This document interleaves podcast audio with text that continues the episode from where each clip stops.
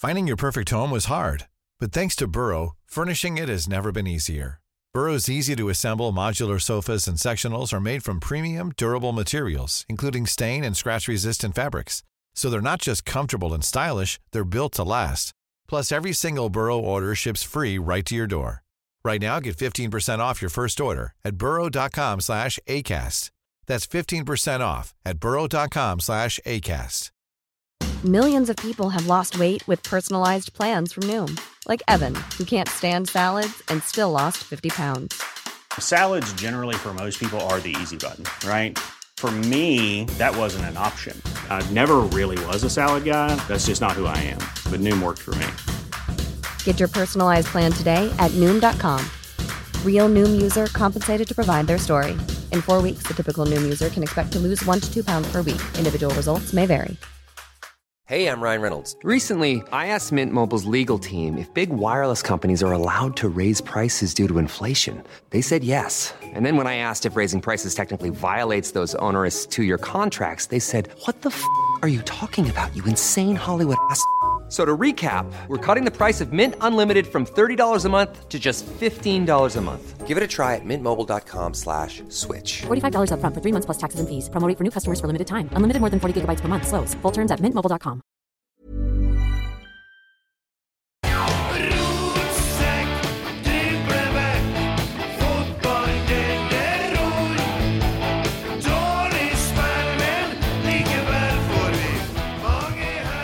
Ja, ja, ja. Velkommen til en ny sending av eh, den eminente, faglig sterke podkasten Rotsekk. Og i studio i dag Alexander Larsen, som er det faglige alibiet, og Svein Målen, som også er et faglig alibi, skulle jeg tro. Kanskje. Ja, vil vise. Ja. Vil vise. Uh, fuck off, er det vanlig å si det? Ja, ja. Som jeg sier, bruker ikke å forholde meg så mye til folk som sier det. Nei, det gjør ikke jeg. Eh, du ble litt paff da. Yes, det var noe det var, noe, det var noe litt fyring i hele denne kampen, her, så at det plutselig kom noe sånt, det var overraska ikke meg så mye. Nei, men det er et kvarter etter kampen, og de vinner kampen. Da bruker man jo å være the bigger person, gjør ikke man det? Ja, kanskje. Ja. Men sa du noe først, da? Det er mange som påstår at du hadde sagt et eller annet om barnehage eller noe sånt. Eh, nei da, det var, det, var, det, det var ikke noe mye Det, ikke noe mye, det var ikke noe mye hokus pokus, egentlig. Det var, det var bare at vi skulle i et intervju på TV2 Live der, og så Idet den switchen skal skje, så Fra én person til, til meg, da, så um, masa litt på meg hun innspillingslederen. Og at jeg må liksom komme inn i TV-bildet. Så det var noe som sto i veien, og så kommenterte jeg bare det. At ja, men slapp av litt, det står noen i veien. Sa jeg med kanskje litt andre ord, og så eh, ble jeg kanskje litt misforstått. Så var det ikke noe verre enn det. Nei. Men uh, det ble banna litt og sagt ting på mellom forbilder av voksne mennesker som kanskje ikke uh, man Nei. forventer, da. Nei. Nei, for jeg har sett noen mene at det er vanlig dansk å si 'fuck off'. Og det, det vet jo kanskje noen Alexander litt om, som har bodd i Danmark og spilt i Danmark. Er det det det går i? Ja, stort sett. Ja, ja. Det er det. Ja, men, eh, ja, nei da. Eh, Men den kampen, altså, den var ikke så Det var et lite fuck off. Ja, det var det. Det var det, så um, Passa bedre at jeg har sagt det. det var det. Det var ikke bra. Nei, men eh, Og jeg, jeg, da er jo Jeg skjønner jo ikke eh, men det, Og det finnes sikkert en forklaring på det. For jeg mener Rosenborg med og uten Tobias Børke er to forskjellige lag. Han Tobias har jo virkelig funnet sexyrollen og blitt nesten en liten Ode Selnes utpå her. Ja. jeg vet ikke om det er implisitt med det jeg legger forklaringa bare på det, men eh, vi eh, stilte jo med et litt annet lag enn de, de lagene vi har eh, kanskje stilt mest med i siste. Og så eh, og så bare, bare det å gjøre de endringene i seg sjøl er en forklaringsmodell. Og så er det jo klart at eh, hvis en skal kanskje ta ut de elleve beste spillerne, så er det kanskje en del av de elleve beste som ikke spilte den kampen der. Det er det, men vi stilte med de elleve vi eh, mente var best akkurat i den kampen. Og så kan jeg også stille spørsmål ved det, om det var de elleve beste. Og det er jo en del av det å ta et laguttak. Du gambler noen gang, du tror på noen ting, og så viser jeg kanskje at det kunne jeg kan. Kunne jeg prøvd noe annet òg. Ja. Nei, jeg bare, men så går jeg ut ifra at det er jo ganske bra slitasje på noen av dem òg. Tobias har ikke vært lenge tilbake siden skaden, men jeg tenker at jeg syns jeg ser så stor forskjell med og uten Tobias på laget. Han har jo blitt en ny spiller. han.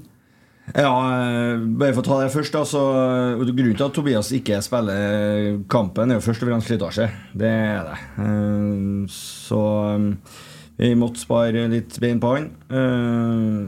Og mer klar for å komme inn og bare ta en halvtimes tid. Eh, og så er ikke for, til forkleinelse for Santer i Vennenen, som uh, kom inn og fikk spille der. Han uh, har jo også spilt gode kamper der. Men ja, jeg er enig. Så, Tobias har virkelig gått inn og tatt den rollen som jeg hadde håpet og trodd litt på. Han har, han har grunnferdigheter som tilsier at han skal kunne bli en god sentral midtbane i Rosenborg. Han, han har veldig god oversikt, han har god nærteknikk, han har veldig god pasningsfot. Han tør å bli spilt på. Han har eh, eh, litt fysikk òg, så man blir litt pressa, og så klarer man å holde unna. Og eh, ja, den teknikken og overs oversikten, den eh, syns jeg han har benytta på en veldig fin måte. Han har lært seg å i mye større grad spille pasninger fremover. Finne pa- spillere inn i de rommene som vi ønsker å angripe. da, Mellomrom sentralt. Finne indreløperne. Tre på spissen. Det, er det enklere for Tobias nå fordi at det er litt mer forutbestemt hvordan man beveger seg? Altså Bevegelsesmønsteret er jo litt mer satt nå. Ja, altså Kanskje det. Altså, jeg, liksom, jeg har bestandig prøvd å være for forsiktig med å liksom, sammenligne før og nå. Og sånn. jeg, er ikke så opptatt av det, men er mer opptatt av at eh, jeg ser et potensial i at han kan være en veldig god sekser. eh, Sentral midtbane, dyp sentral midtbane alene. Klassisk sånn Rosenborg-sekser. Han, eh, han har de, de ferdighetene som er vanskeligst å, de, å, å ha, egentlig. Nemlig det tekniske, evnen til å faktisk utføre det med presisjon. De har han inne. Og så um, er det å ta de rette valgene, gjøre det her fort nok, og gjøre det sammen med andre. Lese spillet, timinga, rytmen i angrepsspillet. Den har han på ganske kort tid vist at han har et potensial til å ta. Vært god, og enda bedre skal han bli. Men ligger ikke litt av nøkkelen i Tobias sin forvandling? forvandling? Det, det første er jo at han er mye mer rettvendt nå, konsekvent rettvendt i det han mottar ball. Men også at han har indreløpere som gjør en mye mer riktig bevegelse for å kunne angripe ball i lengderetning nå. Tidligere har det vært veldig mye feilvendte indreløpere, som igjen gjør at det er vanskeligere å spille opp, fordi du har en helt annen risikovurdering når du spiller på en feilvendt mann enn på en rettvendt mann. Og at dere da baller på seg, gjør at vi skaper mer rettvendte angrep og får satt mye mer fart direkte på. Kan ikke det òg være en sammenheng for at den sekseren ser mye mer skarp ut, da? Ja, i hvert fall så stemmer det der veldig overens med hvordan vi ønsker å spille, og det som er litt ideen i spillmønsteret vårt òg, at det er, det er mange samtidige bevegelser, det er en forutsigbarhet i hvor de beveger seg, det er en tydelig plan om hvor eh, hvor eh, både han og andre roller skal spille ballen i den mottalen. Ikke, ikke sånn at du må spille den bare dit eller dit, men at du har, eh, ja, at du har kanskje en tre-fire tydelige knagger, så må du velge mellom dem istedenfor å ja, Du må se an situasjon, og du velger sjøl, og du må være smart. og sånn. Nei, det er innafor et tydelig bevegelsesmønster du skal velge, og det tror vi jo veldig på å gjøre gode spillere enda bedre. Eh, så har Tobias eh, hele tida vært nysgjerrig på spillet. Det er viktig å si at eh, når jeg snakka med han, altså, ut fra sånn som jeg skjønte, så har han faktisk aldri spilt sekser alene. Altså, i en, eh, i en eh, Ikke i hvert fall i en 4-3-3, da. Ikke med såpass mange andre spillere foran. Han spilte jo sekser alene i, i 5-3-2 eller 3-5-2 eh, i fjor. Det gjorde han, så, og de rollene ligner litt. Men du har færre spillepunkt foran i banen. Og så er vi veldig opptatt av det be- bevegelsesmønsteret, den tydeligheten som, mm. som du sier. Og det, mm, det er veldig gledelig å se at han responderer fort på det jeg ønsker jeg å få til, det ønsker jeg å gjøre. Og ja, tenk når vi får øvd over enda mer tid og Ja, blitt enda mer presis. For det var det jeg reagerte mest på. For det ser du at Santri bruker én og to touch mer enn Tobias gjør. Og da er indreløperbevegelsen gått så langt at det rommet er egentlig spist opp. Og så må du starte på nytt, og så blir det ikke noe rytme, og så får du brudd høyt på egen halvdel og blir straffa. Men, men, men jeg tror at Santeri Han har, har vi òg jubla over fordi at han har gjort det bra i sekserrollen, men det er kanskje mot mer eh, ikke så sånn kjøttlag, for å kalle det det, da, som vi har brukt å sagt ofte. At han kanskje kler litt mer eh, tekniske lag. Eller, altså, Og da ser han ut som en liten Antony Annan noen ganger. Ja, han dekker jo bra med rom. Dekker mye rom, eh, mye frekvens. Veldig flink til å ja, til å vinne ball. Han er en sånn eiterkveis, som vi sier trøndersk. Han, er- han, er- han er etter deg, for å si det sånn, og så lager han litt frispark og sånn. Men vi må huske på at Santeri er hva er det, to-tre år yngre enn en, eh, Tobias. Han er i hvert fall et par yngre. yngre. Det er en ung spiller vi snakker om. Eh, Spiller på finske U21-landslaget. Har, har masse utviklingspotensial. Han òg kommer til å bli en god spiller. Så her er ikke enten-eller. Her skal vi utvikle flere spillere samtidig. Og så kan jo at den ene er en ener i en periode, og så er det en annen som må ta over senere. Men hvordan jobber dere med dere nå? Det syns jeg er interessant når man får litt skader på nøkkelspillere som Ole og sånne ting som må stå litt fram. Hvordan jobber du da med at Isak, som har vært ute lenge, ikke er i match Han er jo ikke 100% matchfit ennå. Hvordan klarer du å få skapt de bevegelsene, og at du klarer å ta vare på det mønsteret? For det er jo ikke noe hemmelighet at sånn som du ønsker å spille 4-3-3, det er en ganske støpt skål i utgangspunktet i, i oppbyggende fase. Ja, det er litt, det er litt støpt, det er det. det. Du kan legge en del retningslinjer som vil være der uansett. Eh, og som gjør oss forutsigbare, også for motstanderen, men først og fremst for oss sjøl. Det er det vi er mest opptatt av. Eh, men også er identifisere potensial til folk. Altså, nå ser eh, Isak eh, er jo en, Han er jo en klassisk target-spiss. Han er stor, sterk. Du kan spille opp på han, han holder unna folk. Uh, han, trenger ikke å, han trenger ikke å ta det der 20-meters løpene for å rykke seg fri, fordi at han, vi kan bruke den mer som en klassisk møtespiss-type.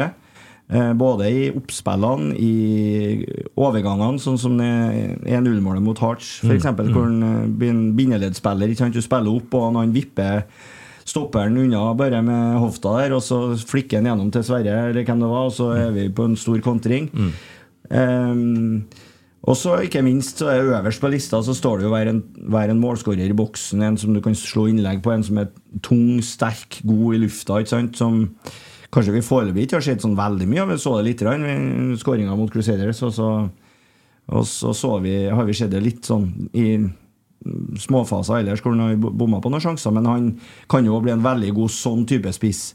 Så er jo det kanskje også litt av det spillet vi ikke er gode nok på ennå. Kom skikkelig rundt på kanten til de her gode, smale innleggene hvor det nesten bare må bli målsjanse hvis du bare treffer den. ikke sant? Og det det er et potensial der òg, i han som er en rollespiller som passer godt inn. Og så verst av alt, eller beste av alt, er at han kan spille kant òg. Litt smal kant, en, eh, som går, truer litt fra boksen eller fra sida der. Og ja, litt, øh, litt annerledes kant, ja, men han Alle disse guttene har jo vært med på ikke sant, treningsregimet nå fra dag én, både i garderoben og ut på feltet. Nå Isak riktignok ikke vært så veldig mye på feltet den første måneden, men eh, fått vært med på videosekvensene, eh, vært med på gjennomgangene og hvordan vi spiller, den gjenkjennbarheten vi skal ha fra kamp til kamp, den ser de får de fort øye på, så da tror jeg det blir lettere å komme inn i det òg. Mm. Det er en ting til med Isak som er jeg har kommentert et par ganger når vi kommenterer kampene, og det er at han er en veldig bra lagspiller. Altså han, han har litt eh, skal vi si, litt sånn Bentner-touch noen ganger når han eh, gjør sånn type ballen videre, og han er litt kreativ der og gjør noen sånne morsomme ting. Og veldig bra på å gi fra seg ball, bortsett fra den ene der han prøver å snurre på femøringen og skjøte. Eh, var Var det i England, eller var det i ja, uansett, det skulle han ikke gjort. Da skulle han ha sluppet en eh, Emil. Det var på søndagen òg. Emil kom jo klar for å skyte, men eh, han er veldig sånn til å se spillerne rundt seg og spille dem gode. Ja, jeg er enig i det. det, det flikka kaller jeg litt sånn det, Ja, som ja. du er inne på der med, med ulike kroppsdeler. Det er nær sagt ulike måter å få, få den videre på. Og det er viktig i den rollen å være en sånn som liksom uh, setter opp trekanter og kombinerer med. Så flikker litt, og så plutselig er noen igjennom. Ikke sant? Og det er veldig viktig å ha den egenskapen, spesielt mot lag som, som også de lagene som blir veldig lave. For den måten en måte å komme gjennom på. Det er at du kan spille inn der, og så trekker han på seg en stopper eller to, ikke sant? og så går den og løper rundt, og så plutselig er det åpent likevel, selv om det egentlig er stengt. og det, det det er sånn vi ønsker å få til mer og mer og bli gode på. Så er det noe av det vanskeligste i fotball. og Vi, vi har en god vei å gå på det ennå, men vi har en plan, og vi jobber med det. Og ser noen gang tendenser til det. Mm. Men du ser jo da når vi spiller mot Ham- HamKam, de, de spiller jo en sånn 3-5-2-greie som vi har blitt litt kjent med her òg. Og ser det veldig mange andre lag som har begynt å adoptere eh, rundt omkring, og de ligger jo med elleve mann veldig lavt, og så kommer de jo nesten med alle elleve opp når de får det kontring eller kommer i angrep. da. Det blir veldig sånn massiv måte å spille på, men eh, de blir jo slitne etter hvert, da. Eh, og det, da må jeg bare spørre hvis Vi stussa litt på det, fordi at eh, det var en mann som hadde assist på 3-0-målet til HamKam, og det var Morten Bjørlo som ble sendt fra Rosenborg eh, samme uka som vi spiller mot HamKam. Hvorfor gjør vi det? Jeg skjønner at det spørres. Det er jo en, det er alltid en risiko. Det jeg sa jo til Morten, at eh, det Ja. Det skårer vel sikkert to mål i helga. Sånn. Men, men samtidig som det vi det liksom, som var der litt at eh, når vi så at det kunne være en bra greie for alle partene, HamKam, eh, først og fremst Morten og oss, så var det litt sånn gjør det, Enten må vi gjøre det, da, eller så blir det ikke gjort. på en måte Og så tenker vi at um, det skal ikke være det som vipper på om du taper mot HamKam eller ikke. Det, vi skal, nei, det skal ikke avgjøre det. Så um, det er lett å si etterpå, lett å tenke at uh, har han skåra etter to mål, og sånn, så skulle han ikke gjort det der. Men du må zoome litt ut, og Rosenborg skal være god nok til å slå HamKam, selv om Morten går dit. Mm. Men er det sånn at det, det er ikke lov lenger å gjøre sånne avtaler der spillerne ikke kan benyttes mot klubben som eier dem? Det er ikke lov å ha en skriftlig avtale på det. Nei. Men um, det kan vel hende at det skjer at noen har en muntlig avtale på det. Ja. Men jeg liker litt det du sier, da, Svein, for at jeg er litt enig. Rosenborg skal ikke trenge å ta hensyn til om den ene spilleren går den ene eller andre veien. Vi skal være så trygge på våre egne ferdigheter og det kollektivet vi skal presentere, at vi skal tåle å stå i det. Så er det ikke noe tvil om at vi bør slå HamKam på Briskeby. Det gjorde ikke vi. Ok, Da må vi brette opp ermene, ut på feltet, gjøre jobben. Eh, mange har jo savna Ole Sæter og ikke sett den, men uh, du så jo Ole Sæter ganske tett på når du gifta deg. Gjorde ikke? ja da, han var til stede, han. Hva, hva, hva gikk gjennom hodet ditt da? Nei eh, Hva skal jeg si? Jeg bare sendte dem en tommel opp. Jeg, både han og Sondre Langås og Ruben Alte som var der. Og det var en sånn joke fra Ranheim-gjengen, dere der. Og så um, sa jeg bare til dem at uh, nå er jeg fast på laget fra nå av, så det lønner seg for dem å, å komme der. Ja. Så de var i kirka, det som er greia? Eller hva Ja, de dukka opp i kirka med findressen på Jeg vet ikke vel historie om at jeg tror det var faren til Sondre Langås kjørte jo hele veien fra Namsos til Trondheim med dress Ja. til en for å komme seg i kirka der, så det ble gjort ordentlig, det der. Ja. Faren til en Langås har vært læreren min. Ja. Ja. Så, I voksen alder, vel å merke. Ja da. Eh, det var jo litt trist at ikke han kom til Rosenborg, syns jeg.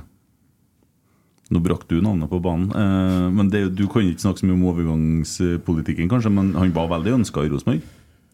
Ja, han var en spiller vi har definert som spennende, interessant, og som absolutt sto på, um, på kartet vårt. Ja. si sånn. Og så det er ikke bestandig går. Det er jo ikke bare vi som bestemmer, det er andre spilleren sjøl bestemmer jo. Og Mm. så mm.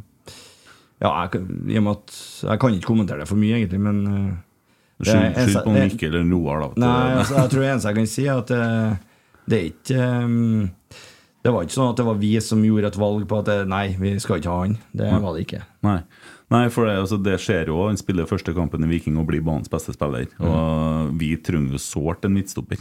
Det, det er jo den plassen vi burde jakte på. Men eh, så ser jeg at det blir veldig mye snakk om Ruben Alte, og der skjer det jo òg litt fres, for han var jo òg til alt overmål på tur til Kongsvinger, men snur, eller et eller annet sånt. Og Ja. han, hans største drøm er å være Rosenborg-spiller. Ja, det er artig, det. Det er jo sånn vi vil at det skal være. Trøndere skal drømme om å spille for Rosenborg. Det er ganske ille når det ikke er sånn. Ja, helt enig. Det, er, det er en temp på hva Rosenborg er for noe, det òg. Det skal være sånn at trøndere ønsker å spille for Rosenborg. Så det er greit å ønske å spille på enda høyere nivå eller en annen liga sånn senere, men skal Rosenborg først. Det er jo det som er målet til trøndersk fotball òg. At eh, flaggskipet skal virke på en sånn måte. Så det er veldig bra det at de vil det. Altså, Kan ikke jeg kommentere noe mye i det tilfellet der heller. Det nei, jeg svarer bare- egentlig ganske litt det samme, egentlig. Ja, jeg skjønner, jeg skjønner det, jeg skjønner, men eh, det er interessant å høre tanker rundt spillerne likevel. Eh, og så er det jo Du er jo i en situasjon hvor du er da per dags dato midlertidig trener. Eh, midlertidig hovedtrener. Og den står ut året. Eh, og vi har jo alle hørt at du ønsker selvsagt å fortsette i den stillinga. Ja, jeg eh, har i hvert fall ikke verken tenkt eller sagt at eh, nei, når det kommer til desember, så er det slutt, liksom. Jeg har ikke, jeg har ikke vært der.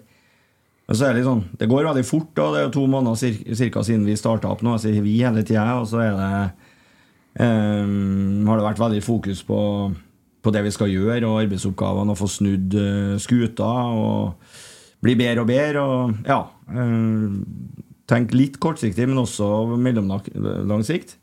Så forandrer ting seg hele tida. Um, plutselig uka som var, så røyk vi ut av Europa. Så litt mindre å tenke på, skal jeg til å si. Dessverre, da.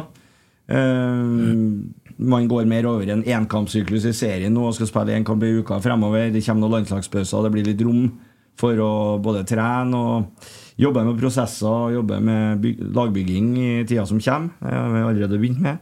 Ja, for det, det var jo egentlig det jeg tenkte på da, når du da er midlertidig. Altså du skal, det, det, det Avtalen er jo nå ut året, men du må jo på en måte tenke lenger. Vi har tre på utgående nå, vi har ti på utgående neste år. Så man må jo tenke lenger enn neste år, og det må jo du òg, sjøl om du er Ja da, og så er det, jo en del av det Rosenborg er på vei til å bli kanskje enda tydeligere og bedre, etter mitt skjønn, på. da, Det å være enda mer klubbstyrt når det gjelder eierskapet til spillelogistikken. Eh, eierskapet til filosofien, hvordan man tenker, hvordan det skal jobbes sånn grovt sett. Og det betyr jo også at, eh, at eh, uavhengig av at det er midlertidig eller ikke, også, så skal ikke jeg som trener alene bestemme spillelogistikken. Det, det er noe vi gjør sammen i team. Men du har jo sterke ønsker, for du har klar oppfatning av rollemodeller og hva som er ja. komplementært. Ja, både det og kanskje mm, Teoretisk så skal jeg jo egentlig være mest faglig kvalifisert som en om det òg, Ja. når det er hovedtrener. Og, mm, som, som Nils alltid sa. ikke sant? Og så, og så er det sånn at Uh, heldigvis da så syns jeg vi som uh, sitter og trekker litt i trådene i Rosenborg akkurat nå, vi tenker ganske likt alle sammen. Vi har, en, eh, vi har mye felles eh, referanser. Eh, Vi har mye felles Vi har veldig stor kjennskap til Rosenborg, Rosenborg-historien, hva som har gjort oss gode, hva som eh, skal kjennetegne Rosenborg en- og en rosenborger. Eh, Så vi er ikke 100% enige om alle ting hele tida, men i, i stor grad så er man enig og ser Eller i stor grad så har man liksom en felles idé om hvilken vei vi skal ha, og hvem vi skal ha, og hva som kommer til å fungere og ikke. Og det, det er en veldig god forutsetning for å jobbe godt sammen. Samtidig som den lille uenigheten som bør være der òg, sånn at vi pusher hverandre litt og strekker hverandre og stiller spørsmål ved beslutninger, den er der. Og så gjør vi dette sammen, og jeg blir selvsagt, og har selvsagt en veldig sterk stemme. Eh, jeg òg, naturlig nok, fordi at eh, eh, fordi at det, det er en faglig greie òg, det å gjøre vurdering av spillere og vurdering av hvordan en stall bør bygges. Ja. Men Mikke eier jo det, og, som sjef for spillelogistikk og scouting. Og, eh, så har vi teknisk hjerte med, med Tore, daglig leder, og med Roar Vikvang, som er sportslig koordinator, og meg. Og så gjør vi dette her eh, mye sammen, da, og så er jo resten av trenerteamet med òg. Jeg jeg er jo litt så nysgjerrig, for alle som kjenner trøndersk fotball og den reisen du har hatt, vet jo at den taktiske biten og den analytiske biten, der har du jo vært velkjent i det trønderske miljøet. At du har egentlig vært, du har vært leid inn til Rosenborg tidligere for å både analysere og være med på å utvikle et grunnspill og sånne ting. Hvordan jobber du for å implementere det? For det er jo ganske stor forskjell utenfor kleinelse for en Kjetil og en Geir og det, men måten de ser fotball på, og måten du ser på, det, det er litt forskjellige leirer. Hvordan jobber man da med å ta fra A til B? da? Hvordan jobber dere i hverdagen? Ja, øh, det er forskjellig. Det har jeg prøvd å sagt fra dag én, men så har det blitt litt misforstått at det er det ene er bra, det andre er dårlig. Liksom. Det er ikke det. Nei, for det er jo ikke det det handler om. Det er jo forskjellige måter å se faget på. faglig ganske stor forskjellighet. da det, det, det skal litt til å og, altså, noen måter å tenke fotball på er litt forskjellig, andre er mer forskjellig. Og så er det noen som er veldig forskjellig. Akkurat det her syns jeg er veldig forskjellig, i sum i hvert fall. Og så er enkelte deler er ganske likt. Ehm, og den endringa er ganske stor, og så er det den jeg på en måte har snakka om at det er en ganske stor endring etter mitt skjønn, faglige skjønn. Mm. Og det er klart at hvordan vi jobber, er et stort spørsmål. Men vi er veldig, veldig opptatt av gjenkjennbarhet. Altså at det, ting skal henge sammen hele tida. At det er mm, fra deløvelsene til, til taktiske øvelser til helheten til å spille kampene, så skal det være en stor grad av gjenkjennbarhet. For spillerne, for eh, publikum som kikker på, eh, og for oss sjøl eh, når vi mm, måler og vurderer utvikling. Sånn tenker vel de fleste lag òg. Men så det graden av det vi ønsker vi at skal være veldig veldig stor. da. Så mm, Andre måter å tenke fotball på kan jo være mer å være mer taktisk fleksibel. Altså Taktisk fleksibilitet snakker man om at uh, lag er veldig flink til Ok, da er den motstander, da spiller vi sånn. Kanskje endre formasjon. Uh, presse veldig mye høyt. Og, og kanskje er forsiktig med fremoverfotballen, eller hvor gjennombruddsvisig man er. Også andre motstandere kan man nesten gjøre motsatt, ikke sant? Det så vi så vi senest i VM at eh, mange lag er sånn, andre lag har veldig stor grad av gjenkjennbarhet. Og um, vi er et sånt lag som ønsker stor grad av gjenkjennbarhet, som ønsker å bygge en spillestil som gjennomsyrer hele klubben, som kanskje òg gjennomsyrer litt trøndersk fotball. Som har vært en suksessfaktor tidligere òg, at, eh, at spillere kan kjenne seg igjen. da. Og så eh, skal vi være det fordi at det er en del av Rosenborg-identiteten. Eh, har alltid vært det. For det, det husker jeg jo tidligere, når, når Rosenborg var som best. Så når det kom en ny spiller, han kunne dominere fra sitt lag, men han brukte gjerne en hel sesong han, på å klare å komme inn i mønsteret, forstå alle samstemte bevegelser. Ta en Trond Egil Soltvedt, som dominerte i Brann, kommer til Rosenborg, ser ut som han ikke har spilt fotball før, bruker et år, gjør det knallbra og en, går rett inn og glir inn i miljøet. Og det tror jeg jo folk må skjønne òg, når du kommer inn nå. Så tar det tid. Du skal omstille et hode, du skal få en filosofi til å sitte, du skal få den tryggheten på banen, sjøltilliten, du skal tørre å stole på egne ferdigheter, stole på lagkompisen sine ferdigheter, stole på det treneren sier òg. Mm. det, det er en ganske omveltning midt i en sesong sånn, uten å ha fått jobba suksessivt med det. Ja, det er det. det, er det. Eh, jeg går ikke rundt og jamrer og, og skriker om tålmodighet og at vi ikke har fått jobba sånn, men det er et faktum at eh, det krever litt tid. Og, og det er en spillestil også, som krever ganske mye tid på treningsfeltet. Eh, terping. Eh, det, det handler om terping. Det handler om eh, å øve og bli ekspert i roller. Ekspert sammen med andre i roller. Det, ja, det, det gjør det, og kanskje i større grad òg enn en del andre måter å tenke fotball på. Men eh, Så det, det som jeg har sagt hele tida, at eh, spesielt det etablerte angrepsspillet, eller angrepsmønstrene våre, det, det er det som kommer til å ta lengst tid før det virkelig eh, kan si, blir veldig bra da, og sitter så godt at uh, når det kommer en ny spiller inn igjen, så bruker han faktisk ganske lang tid på å ta det. Det, det er det, For at nå er det mange som må ta det samtidig. Og så er vi avhengig av gode prestasjoner. Vi er avhengig av å vinne fotballkamper. Er som Noen som sa det at den beste utviklinga både for et lag og en spiller er å vinne fotballkamper, faktisk. For at da forsterker du det du har gjort. Og så er det mye større sjanse for å utvikle seg oppå det. Bygge stein på stein på det. Så, så vi er jo avhengig av det, samtidig med at vi eh, maner litt til tålmodighet og må tåle eh, noen smeller noen gang. Så den, den eh, den rekka med gode prestasjoner vi, vi har hatt uh, en stund, hvor vi, jeg syns vi har liksom sett litt utvikling nesten hele veien, den, den sa jeg litt underveis at vi må regne med at det kommer ei fartsdump en dag, at det kommer en nedtur en dag, og så må vi sørge for at den blir så kort som mulig og så lav som mulig. Nå, nå ble jo den fartsdumpa to kamper foreløpig, da, som den ene ikke var så veldig lav, syns ikke jeg, men den HamKam var jo fryktelig lav. Så det, det, var, jo- det er vi jo ikke fornøyd med. Så nå er det om å gjøre å komme seg så fort som mulig opp på hesten igjen og spille en god kamp på søndag. Tra tradisjon der òg. Rosenborg har vært i Europa og kommer hjem og taper. Det er ikke første gangen det har skjedd. Nei, altså Jeg er ikke så opptatt av historikken som sådan, men jeg er opptatt av at vi må lære som lag eh, å håndtere sånne situasjoner. Og det er ikke å lære bare å si det. Du må kjenne på kroppen, du må føle. Du må, du må oppleve de rette tingene, du må vite hvilke knapper du sjøl skal trykke på. Når jeg har opplevd det jeg har opplevd i, i Edinburgh eh, Kommer hjem etter en tredagsreise og går rett inn i en tre, ny tredagsreise og bor på en flyplass eh, som vi gjorde i helga, da. Eh, og ja, skal mobilisere mot et HamKam som som eh, er bloddopa. Altså, ikke i Ikke, ikke i ordets rette forstand, men Fuck, fuck. Ikke i ordets rette forstand, men som er, som er blodtent, heter det. Ja, Ikke ja, blodtent. Beklager, var feil ord. det var Juventus. Det var Ja, Juventus. men i ja. rotsekk så går det bra å si. Blodtent. Da kan ikke vi være blodfattige når vi stiller opp på banen, og det jo, var vi. sant? Og det, ja, den læringa der. Eh, og Så kan jeg si at ja, det skal Rosenborg skjønne og kunne fra før. og sånn, ja, Se hva har spillerne våre opplevd. Har de opplevd det før? Nei, det er ikke mange som har opplevd det. Og det hjelper ikke at noen trenere står og sier det til dem heller. Det, ja, Vi prøver å trykke på knappene. Vi lykkes ikke med å trykke på rette, sannsynligvis. da, Og, og spillerne sjøl klarte ikke det heller.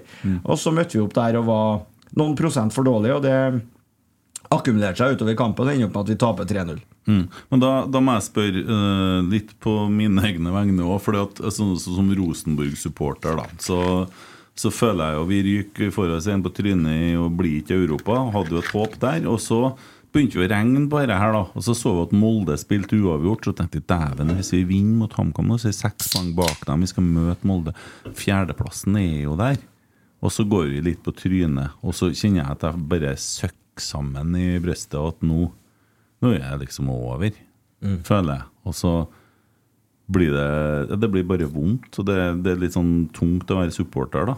Hvordan skal man da klare å drive og og få tilbake entusiasmen? Skal, hvordan skal jeg klare å finne igjen den, tenker jeg nå. Ja. Og jeg tror veldig mange føler det akkurat sånn som du sier nå, også blant, blant oss i prestasjonsgruppa. Så tror jeg vi har kanskje hakket mindre vært opptatt av å se på tabben og, og at, at hvis og sånn og sånn, så kan vi helt oppi der. Vi er nå klar over det, vi òg, men eh, vi vet at vi må ha fokus på å spille gode kamper hele tida. Eh, For vi vet, også at vi er nødt til å prestere på et nivå som, som det laget her eh, ikke har gjort på lang tid. Altså, vi, må, vi må ta oss veldig jevnt med poeng. Vi må spille veldig gode kamper mot gode lag, både hjemme og borte. Og det Det krever veldig mye av oss, og da må vi i hvert fall ha fokus på det, og ikke på, på resultatet. Liksom, at ja, hvis vi klarer det, så sånn og sånn. Det, for drivkrafta ligger ikke i det. Drivkrafta ligger i å, å sørge for at du er best mulig forberedt. At når kampen begynner, så må du være skikkelig god, altså, for det kommer ikke av seg sjøl. Det her er ikke noe lag som kan spille på halv maskin og likevel ta tre poeng ned. Det kan at man kan utvikle seg til å bli det en gang. Ikke halv maskin, men altså, skjønner sant, at på en dårlig dag også, så tar du faktisk tre poeng. Selvsagt skal vi ha ambisjon om å komme oss, komme oss dit. At ferdigheten eller at bunnlinja på en måte lager er så godt at du klarer det. Men akkurat nå er ikke det, og det kommer ikke til å være det på en liten stund heller. For det handler vel litt om at du må skape en kultur En, en kultur hvor det stiller sånne krav at man, man er på et minimumsnivå hele tida, Ja. som gjør at man får resultat, sjøl om man ikke presterer topp. Helt klart kultur er en ting, og så rett og slett nivå. Ferdighet er en annen ting. For ja. det, det ser du på de aller beste lagene. Kan ha en dårlig dag, sant? men så har de noen spillere, de har noen relasjoner, de har noe inn i laget som gjør at de tryller inn den mm. skåringa de trenger likevel for å ta en trepenger. Og se hvor mange har ikke det skjedd. Og det er bare å se Rosenborg-historien. Det har skjedd utallige ganger med Rosenborg òg, i storhetstida og, og den andre storhetstida, som jeg bruker å kalle det. Mm. Det, det, og det er en ferdighet som kommer over tid. Det er ikke noe flaks som kommer fra himmelen. Det er en ferdighet som kommer over tid, det der. Men uh, du som er fagmann og har vært en 4-3-3-mann hele veien Jeg som òg har vært veldig opptatt av 4-3-3, ser jo en ekstrem utvikling i måten å spille 4-3-3 på. Det trønderske publikum snakker jo gjerne om Nils Arne og måten Nils Arne spilte 4-3-3 på, men den hadde jo ikke virka i dag. Med den måten å spille seg fri på bakfra. Du hadde jo blitt spist opp levende hvis du hadde ville opptrådt sånn som Nils Arne hadde frispilling bakfra det. Hvordan tanker gjør du der rundt akkurat det der? Jeg kan ikke bekrefte deg på det, for da kommer han ut av eh, og tar meg. Men, eh, eh, fotballen utvikler seg, ingen tvil om. Eh, men så er det viktig å få øye på altså grunnelementene. Eh, det som da ble kalt postulatene. Ja, ja. Eller grunnfilosofien i, i Rosenborgs måte å spille fotball på. Den står seg fortsatt. Altså går tilbake Jeg har jo på en måte vært en slags sånn evangelist for akkurat det. Å få frem at uh, den måten å tenke fotball på, den, den, den originalen fins faktisk her i stor grad her i Trøndelag. Den er en del andre som har kopiert nå, og funker i dag òg. på grunnelementnivå. Men fotballen utvikler seg. Det er mye trangere. Det er mindre rom. Eh, man er mye mer forberedt på motspill. Sant? I dag så har du verktøy, analyse, du kan se masse så, så du er mye mer forberedt enn det var før. Og det taktiske nivået på spillerne har jo løfta seg. Helt Helt For klart. Var du en taktisk spiller før, så kunne du ha medium minus ferdigheter, men, Ja. du, men du kunne allikevel gå inn på et mye høyere nivå enn du egentlig var rigga til. Ja. Fordi du var to-tre sekunder foran. Og så den fysiske dimensjonen har forandra seg veldig. sant? Ja. I dag så er det Det er ingen nesten som er treg. Det er ingen som er dårlige forsvarsspillere. Nesten alle elleve på laget må være gode til å forsvare seg. Mm. Eh, man har, man, så dermed så er det mye vanskeligere å angripe på. Mm. Og det blir en annen måte Du må beherske mye mer angrepsspillet. da Og spesielt kanskje så så er du nødt til å beherske eh, når du begynner å bli god. Når Mm. du skal bli et godt fotballag, så må du beherske å spille mot, uh, mot uh, lavt etablert forsvarsspill.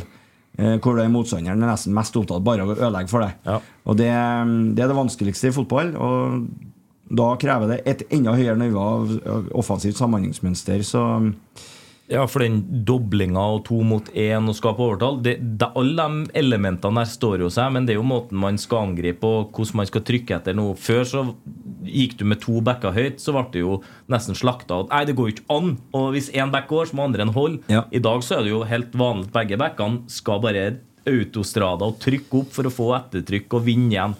Mye høyere enn det man en gjorde tidligere. da Ja. en, en Erik Hoftun ville ha fått mye mer trøbbel i dag. Spesielt sånn som Rosenborg sto høyt Mm. og hadde ikke noe respekt for om de møtte en rask spiss. Du hadde blitt mye mer straffa i dag enn du ble for 15 år siden.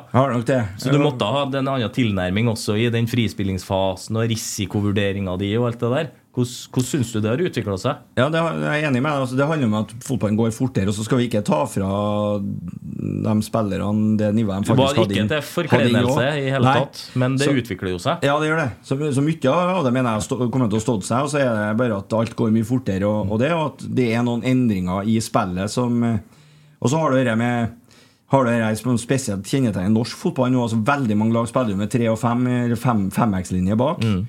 Eh, som er enda vanskeligere å bryte gjennom. 5-3-2, ikke sant? Og eh, spiller annerledes fremover òg. Eh, mange flere lag er kanskje opptatt av å bli gode i å kontrollere ballen sjøl. Kontrollere med å ha eget spill. Nesten Alle lagene, nesten også de dårligste, er, er litt opptatt av å ha det òg. Mens før så kunne man møte lag som egentlig bare satsa på noen kontringer og dødballer. Det, Man må forholde seg til mer i fotballen. Men uh, førsteomgangen mot Hearts hjemme, da, det var jo helt overlegent. Da, var jo, da fløyt jo alt. Og så skjer det noe i pausen. Hva, hvorfor snur det plutselig sånn? Det, det er små detaljer. Det er veldig små detaljer som gjør det. Vi har jo analysert dette veldig grundig, og vi så det for så vidt underveis i kampen òg, hva det var som skjærer seg mest. da, fordi at eh, Det handler jo, handler jo litt om at i første omgang så klarer vi hver gang vi starter angrepene bakfra, så klarer vi å spille oss eh, inn på motstanderens halvdel og få Hearts til å springe litt etter oss. Vi varierer mellom å kjøre hurtige angrep som ender med avslutning, og, men også kjøre lengre angrep hvor vi vender litt og ja, spiller dem litt ned, får dem litt sånn i knestående, som jeg bruker å si, som gjør at vi, vi kan styre kampen litt. Mens Og det begynner med at vi klarer å spille oss ut bakfra. Klarer å spille motstanderen ned. Syns jeg dere fikk til å diktere tempoet veldig i matchen. Dere styrte hele tida om det skulle være høyt tempo, lavt tempo, rull, sideforskyv, lengderetning. Det var veldig bra miks dere fikk til. Ja, det, det var det, og det mener jeg i stor grad handler om det jeg snakka om nå. At mm. det, det tempoet styrer vi litt sjøl med Yes. at vi klarer å um, Klarer å komme oss inn på motstanderens halvdel og styre spillet der.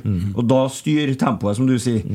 Men eh, mens i andre omgangen så, så blir vi Jeg sier jo at vi blir feige. For at vi, vi er så, vi er så av, Altså, de blir litt sånn energiske, og så begynner de å sprenge litt mer på topp. Uh, og så kommer de etter og gambler litt. Med at de, sånn, ja, de føler at de må ha mål, så gambler de litt. Og så kunne vi ha straffa dem på at de gambler litt, men da må vi straffe dem òg. For hvis vi ikke gjør det, da, så ender opp med at vi begynner å spille bakover, bakover, bakover. Og så helt bak til André Hansen som slår en lang ball, og så spiller vi med i 50-høyde fremme på topp mot store spillere, og det kler ikke oss. Og så kan de begynne å angripe isteden. Der hvor vi første gangen på samme angrepene spilte oss gjennom dem, spilte av det presset.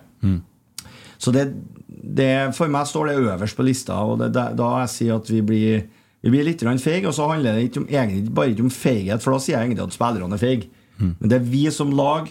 Vi har ikke nok verktøy i boksen til å omstille Oi, nå begynner han å presse høyere. Hva gjør vi da? Eh, oi, nå går han der, og nå tar han plutselig ut det spillpunktet som vi i første omgang hele tida klarte å spille på.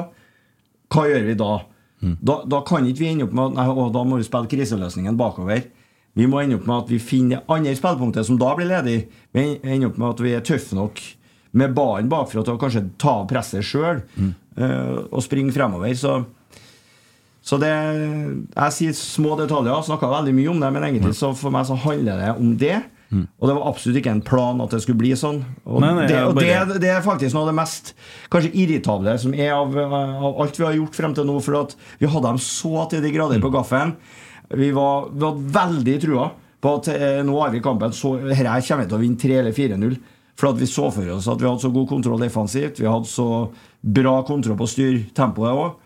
At uh, her kommer de til å må bare gjøre feil igjen, og så kan vi straffe dem knallhardt på det.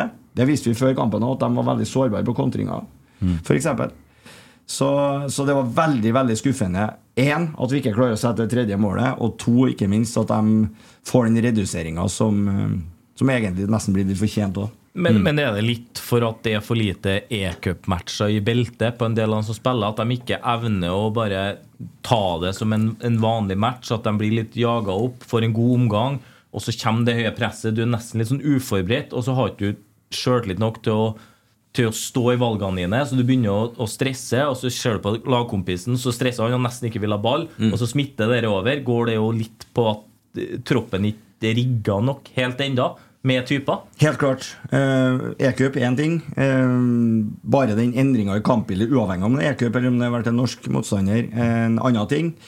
Så det er en av de utallige tingene vi er nødt til å lære oss og utvikle oss som lag på. Men det ligger jo utrolig mye læring i akkurat den kampen. Da. For der har du på en måte to så forskjellige omganger. Uh, og så er det en sånn eh, Jeg tenker bare, ja, for å la det være med det Jeg syns det er et godt eksempel. Da. For første omgangen er jo eksemplarisk. Ja. Og vi brukte jo den kampen en del som læring, og hadde veldig sånn fokus inn mot Hearts uh, i andre kampen på akkurat det der, fordi at vi så jo for oss at de kom til å fortsette litt i samme sporet. Gå i 160 oppi oss, ikke sant? og da da kunne vi liksom begynne å spille ballen over sidelinja og drive og slå lange, høye baller. Det klarte vi veldig bra i starten av kampen. Vi klarte det tidvis. Det er en del angrep der vi frispiller og, og, og spiller den inn på Spiller opp med en stopper som kommer frem og spiller inn på en Tobias. Eh, men ikke ofte nok. Eh, og det ble litt for mye trykk på oss eh, når de først angrep, og vi vant for lite baller til å få de angrepsstartene der igjen òg. Sånn at eh, vi sleit litt utover i første omgangen, men eh, Ja, men andre omgangen tar det over igjen. Andre, Ja. det kjem, vi kommer jo mer og mer andre omgangen. Ja, vi gjør det, og det er jo det, er jo det andre som er fryktelig bittert. Det er jo at uh, vi har malt dem nok i stykker, da, for å kalle det det. Høres ut som vi dominerte fullstendig, det gjorde vi ikke. Men vi, de brukte veldig mye krefter altså, på å holde oss unna og på å bryte oss ned. Eh, og når vi da utover i andre har grunnspillet vårt i bunn og kan begynne å sette opp det mye mer mot en ganske sliten motstander, så begynner det å ta over kontrollen på kampen igjen. Eh, Men dessverre så er det to ting som skjer. da Det ene er at vi eh, Vi blir ikke giftige nok på siste tredelen. Vi, vi klarer ikke å omsette alle de nesten-mulighetene til kvalitet nok. Presisjon nok. Um, vi har jo noen småsjanser. Jeg husker ikke akkurat når de kom. hvor stor de var. Jeg mener jo Rasmus har i hvert fall to der han mottar ball rettvendt mot en stopper sideback, der han kan faktisk rett, gå bare rett på og angripe én mot én, der vi velger å enten prøve å slå tidlig, eller så stopper han opp. Ja. Der han egentlig en spiss med sjøltillit og litt X-faktor. Han vil sette fart der, og da blir du enten tatt, eller så er du forbi. Ja, nesten så jeg sier Gi Hearts de samme mulighetene, de bankene i mål. gang? Så det, det, det er noen sånne, men vi begynner å ta over, så det er irritabelt at vi da ikke omsetter til den endelige skåringa, på en måte. Og det er nesten litt som Hearts-spillerne sjøl sa at ja, har det blitt ekstraomganger her, så har jeg ikke hatt sjans. Altså, de var så sluttkjørt, følte Ja. de seg. Det Eh, så dem ut som hang bra i tauene nå. ja, det var det. Og det andre er jo selvsagt at vi ikke klarer å, å, å holde unna dere de få gangene de kommer frem, så blir det for farlig. Altså, vi, vi blir ikke dyktige nok i forsvarsspillet der. Og det, vi bør i hvert fall holde unna det når, det først, eh, når vi først ikke klarer å omsette angrepsspillet. Mm.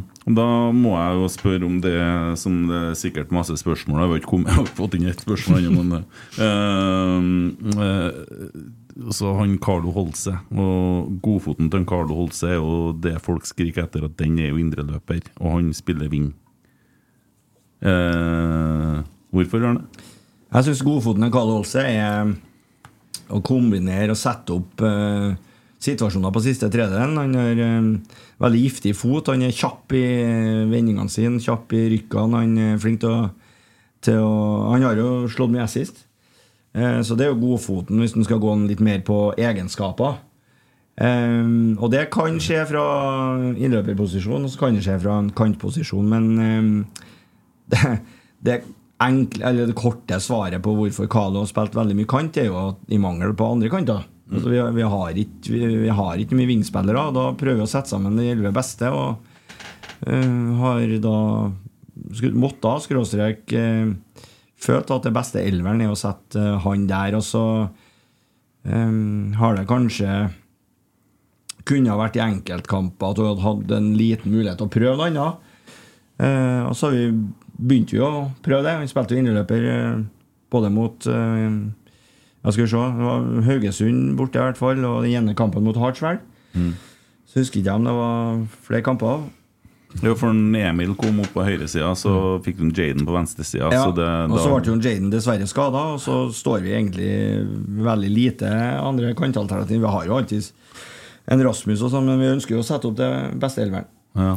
Så det er det som har gjort det litt, da. Men eh, ja, som jeg sa, svart utallige ganger både til Carlo og til andre, at eh, det, eh, han har fått litt, og han kommer helt sikkert til å få ganske mange muligheter på indreløper nå. For at, eh, jeg ser et stort potensial i at han kan bli en veldig, veldig god indreløper for oss. Han er jo, en, han er jo egentlig en klassisk sånn tier. Vet du, han elsker jo å være oppe i mellomrommet der og kombinere med andre sentralt i banen.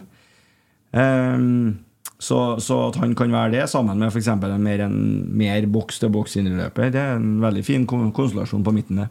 Det her trenger ikke å svare på, men jeg personlig blir jo litt provosert når han er veldig tydelig veldig ofte i aviser om at nei, jeg brukes ikke på riktig posisjon. Og jeg syns jo det er noe illojalt med det, fordi jeg mener at du blir satt i en posisjon for laget ditt, for å hjelpe laget ditt, og da er det så dumt å ha fokus på det som skulle ha vært. Og det syns jeg preger kroppsspråket hans på banen. Jeg syns han ser mindre skarp ut når han er på ving, og han, han logger litt av, da. Du trenger ikke å svare på det, men det skuffer meg litt av en spiller som har vært så mange år i Rosenborg. En som har så mye kamper for Rosenborg og bør egentlig gå litt foran. Og når du da kommuniserer at i mangel av annet, så ønsker jeg å bruke det her. Du har dem og de ferdighetene. Det ønsker jeg å se av deg. Så får du litt det kroppsspråket og, og litt den negativiteten. Og det syns jeg skuffer meg da, av en Carlo. Og da burde han ha stått opp mer og faktisk eh, gått litt mer i krigen for laget. Men er- det er min personlige mening, men det syns jeg er litt synd, da. Jeg, synes, eh, jeg skal ikke kommentere så mye om det der, men jeg har lyst bare å presisere at jeg syns Skalo hadde en god del gode kamper som kant. Jeg syns han jobber veldig godt i veldig mange av de kampene han har spilt. Så har han vært veldig viktig i også i defensive spillet. Han, eh, han eh, har vært mye involvert, og så er han er han sikkert litt prega, han òg, som alle blir når man ikke lykkes helt. Han, han har vært veldig mye nesten med en Carlo. Veldig mye nesten, Han har kommet til veldig mye sjanser som ikke har blitt mål. Han har kommet til veldig mye nesten-muligheter som ja, som ikke går helt inn gjennom, og det, det vil nok frustrere enhver spiller. Så det kan nok handle litt om det òg. Men Carlo er en veldig fin gutt. Vi har god, god dialog, og så har vi alltid sånn å utvikle oss på, forbedre oss på, ta tak i alle sammen, også på hvordan vi kommuniserer. Men dere kommuniserer. Veldig. Ja. Det, det er godt å høre. Ja. Eh, ja, vi kan jo ta noen eh, spørsmål òg. men jo, én ting til Carlo, da. Eh, for du er jo veldig tydelig der. Carlo skal være i Rosenborg. Det er det jeg leser i avisa. Ja, jeg har ikke noe lyst til å selge Carlo. Og øhm, jeg tror at um, han kan bli en veldig viktig spiller for oss i årene fremover òg. og så um, det handler jo det om at jeg ser et voldsomt potensial i det laget vi har nå. Han har mange av de egenskapene som, øh, som vi trenger i Rosenborg. eh, De offensive fibrene hans. eh, Han er en, etter mitt skjønn så er han i stor grad en rosenborger som type. Han er han er, han er en lagspiller, han òg. En eh, spiller som er godt likt i garderoben. Og ja, han har lært seg trøndersk bra òg. Jo, men han- er jo en typisk sånn case som du henter egentlig et ungt u ubeskrevet i norsk målestokk, da, blad, som har vært et kjent talent i Danmark. Første kamper lykkes ikke helt. Kommer en del kritikk. Hvorfor henter vi en dansk unggutt? Og du ser jo de stegene han har gjort i Rosenborg. Han har jo vært en viktig Rosenborg-spiller, og han har jo bidratt veldig positivt i mange år. Fjoråret til Carlo var jo helt ekstremt, og så var jo assistkonge på Rosenborg, så vidt Ja. jeg husker. Ja. Så, og det er jo en sånn kul case, for da henter du en typisk rollespiller som du utvikler i et system. Ja. Og jeg tror jo med han med Hadde du fått han en hel sesong og kunne utvikla han i en tydelig rolle, så tror jeg han kunne ha gått til en mye større klubb enn han kanskje kan gjøre akkurat nå. Ja, eh, og det Det blir spennende å se fremover, for vi håper jo å få med oss han videre, selvsagt. Og, og um, han, eh, han eh, Tanken er jo litt at han vi skal kjøre han litt på den indreløperrollen mer og mer òg, så um, får vi, får vi utnytta de beste egenskapene hans der, så blir han en sånn boksåpnertype som vi trenger der. Yes, and how about et temposkifte med Jaden Nelson innsiden. Uh, I engelsk, og så over til norsk temposkifte, sa du. Husker ikke du? Nei. Nei, du skulle si temposkifte, så du snakka til en Jaden, så, sier bla, bla, så på engelsk, da. And how about uh, temposkifte?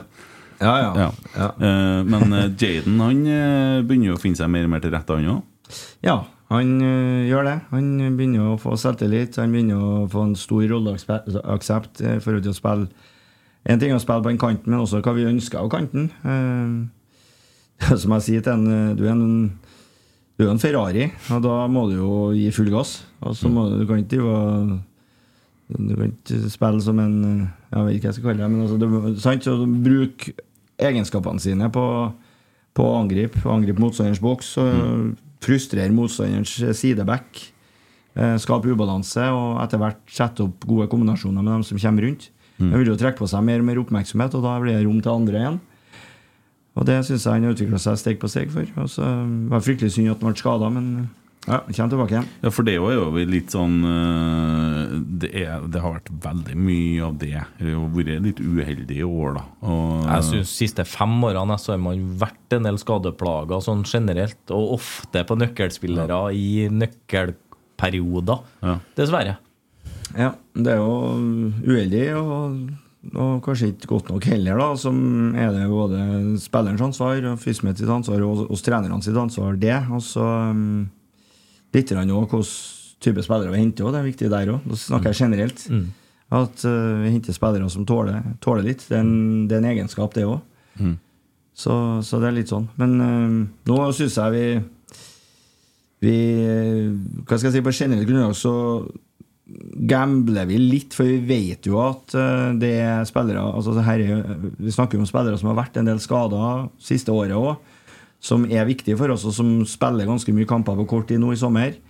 Som, eh, som eh, får seg noen belastningsskader. som vi blir, jo, vi blir jo ikke sjokkert eller overraska over dem, men, samtidig så hadde vi jo håpet at vi skulle klare å være helt på hårsbredden og ikke få dem. Ja, for det er jo en kalkulert risiko, egentlig. det er en kalkulert risiko. og Det som kanskje ikke folk vet, da, er jo hvor utrolig nære vi er å unngå skadene, alle de skadene her. For vi er, det, er jo, det er jo på sekunder like før vi skal akkurat å ta dem ut, ikke sant? og så blir det eh, Skjer det et eller annet som gjør at vi må vente med byttet, så ikke vi bruker opp byttene våre, og så er det to minutter i løpet av de to minuttene så kommer den skaden. da Og Det har skjedd på flere, på flere her nå. Men du ser jo hardt så Han går jo etter ankelen på han eh, Erlend, han spilleren der. Eh, Det, det er jo helt tydelig. Eh, I andre omgangen, ja. Ja. ja, ja. Det, Han takler jo på den foten òg, egentlig helt ulogisk å takle der. ja, men de vet hva de skal gå etter, Sånn, så det ja. Det der er jo litt sånn, men, men de, jeg snakka om noe er belastningsskader. Det er Ja. litt sånn for mye belastning over for kort tid. Mens uh, mer sånn akutte eh, skader, dem, eh, sånn som den Erlend sin, da, som skjedde imot, var vel borte mot Haugesund, som er mm, litt ja, den er litt mer uheldig, den, da. Ja. Det kan vil jo også ha i fotballen, selvsagt. Så um, ja, det har vært litt uheldig. Og nå sist eh, kamp også, så så skulle vi akkurat ta ut Isak når han fikk det gule kortet, som eh, gjør at han da ikke kan spille nå i helga igjen. Ikke sant? Så det, er noen tilfeldigheter. Litt, Ja, men vi har. Løven tilbake på treningsfeltet i dag, da, i hvert fall eh, med en del av økta og trena litt alternativt etter hvert. ja. Så det, det blir jo spennende. Hvordan, hvordan jobber du med sånn som med Jaden? Jeg hopper litt tilbake til fag, for jeg syns det er interessant. da, For han er jo en, egentlig en sånn eh, veldig udressert løve med masse egenskaper, eksplosivitet og X-faktor, men veldig uryddig og urytmisk og passer jo egentlig ikke inn i et kollektiv. Han er jo ikke flink til å slippe på, over, på overlapp. Og han tilpasser ikke seg indreløperbevegelser. sånn. Hvordan jobber du for å få det til å fungere i et 4-3-3 som er helt avhengig av rollebevegelser? Ja, jeg i hvert fall tenker som i hans tilfelle forenkling. Forenkle veldig. Eh, det, begynner, det begynner liksom at du må bruke styrkene dine. Hva er styrkene dine? Hva er du best på? Mm. Altså, Det må gjøres Det må gjøres ofte. Vi andre må sette opp en ofte i det. Altså én mot én offensivt. Sette opp en, stup rett i, utfordre, ikke nøl. Ikke gå inn i banen åtte av ti ganger når det å gå ut vil være mest effektivt for deg fordi Ja. at du er så rask. Han kan jo springe rundt og likevel være foran. Kan springe rundt, ikke sant? Um, bli flinkere til å starte, sånn at du også kan få ballen inn i bakrom og Ja. kan, um, kan true målet isteden, sånn som uh, den, uh, det skåringa mot uh, Hvordan, jobber dere med det? Det å starte imellom back og stopper, det rommet der, det er jo ofte ledig. Spesielt nå som motstander Mm. ofte og kanskje ikke ligger så lavt som man har gjort tidligere. De er litt tøffere, tør å stå litt høyere opp. Ja. Det går an å straffe dem. Det gjør det. Uh, det gjør det, og så blir sånne spillere blir veldig viktige mot lavt òg. Mm. Fordi de har liksom den lille, det lille ekstra som skal til for å skape ubalansen og komme Mm. seg gjennom likevel. da Så um, jeg husker ikke, Var det Odd eller var det Hearts vi skåra? Jaden skåra når han sprang gjennom i rom to der. Jeg husker, jeg husker ikke helt hvilken Ja, kamp det var. Odd på, Ja, når han- når han starter imellom Når der. han starter mellom og Sverre spiller, spiller han gjennom, og så er det klart at han får det rommet fordi at han vi har snakka mye om at han må gjenskape redde Altså gå og stille seg bredt igjen da etter å ha vært inn. For han er glad i å komme inn, ikke sant? og det skal han òg når ballen er på andre sida. Men så må han gjenskape bredden og komme seg ut igjen, og det, det gjør han der. Og så vet backen at hvis Jaden får ballen på fot og får for god tid, så kommer jeg til å slite, for da setter han fart på meg. Dermed så stiller backen seg litt lenger ut. Og så ender at Jaden starter imellom isteden, for da er den luka åpen.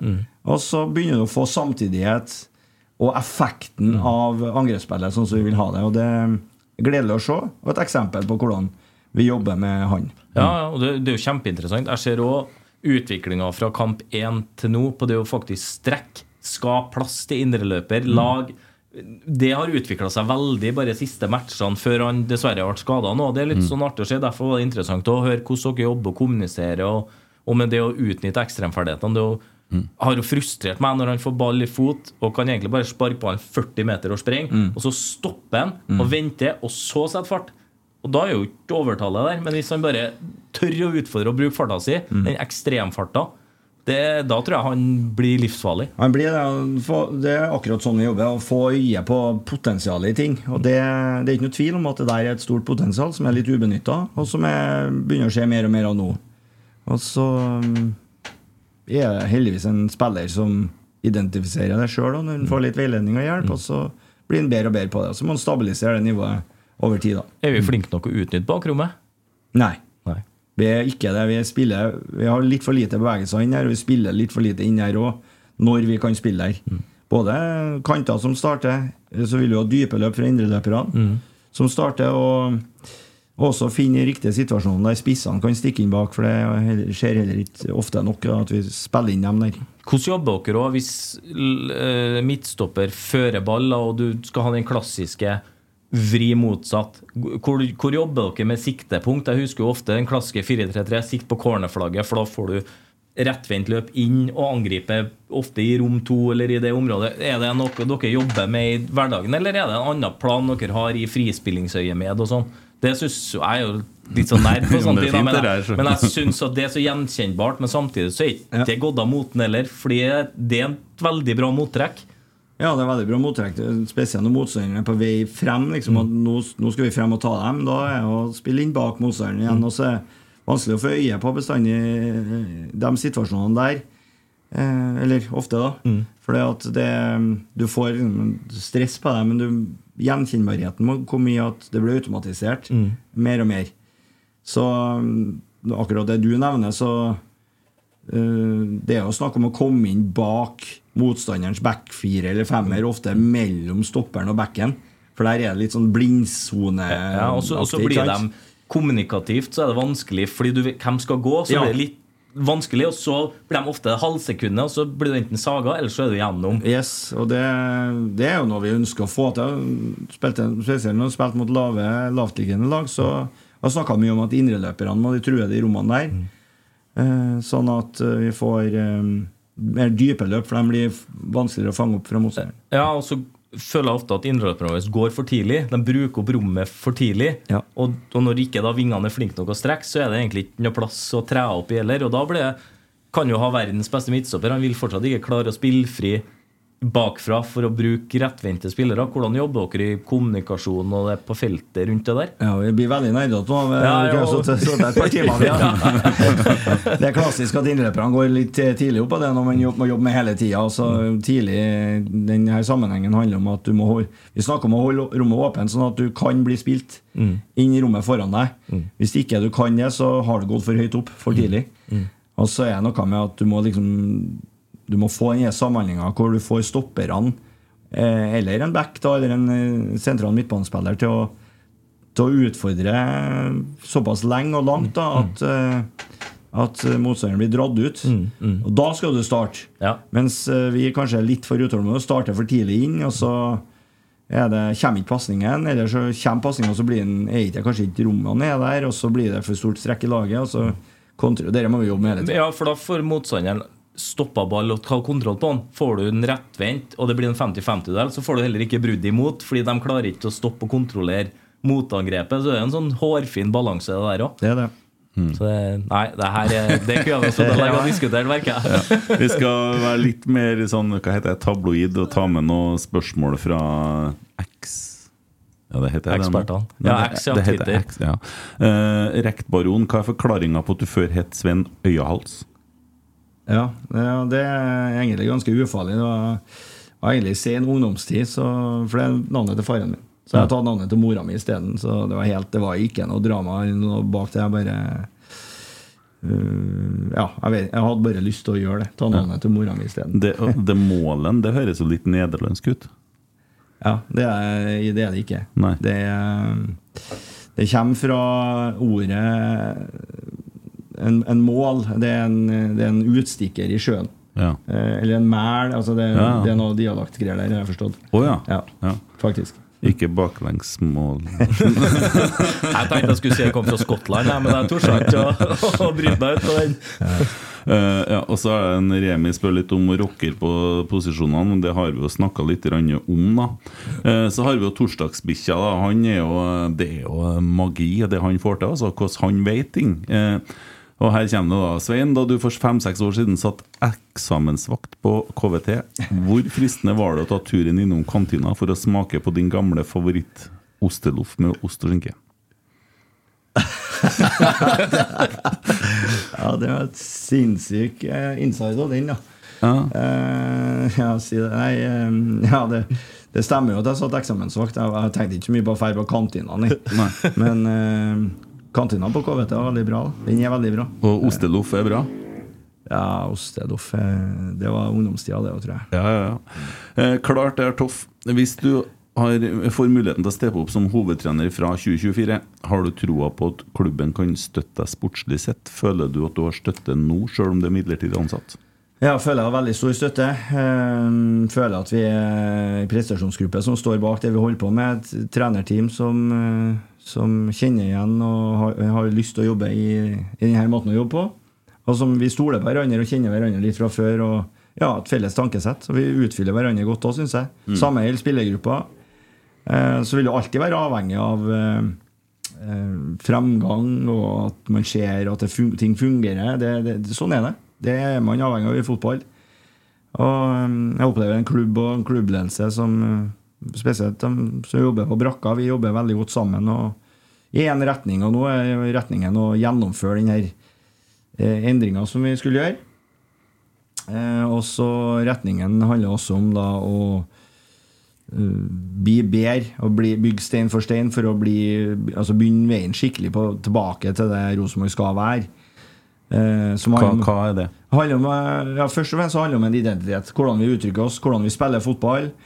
Hvordan vi er, er utad som mennesker. Hva er en rosenborger? Um, treningskultur og spillestil er to sentrale begrep. Um, offensivitet uh, og det å by på seg sjøl. Og så er det en stolthet rundt det å være uh, Trøndelags flaggskip.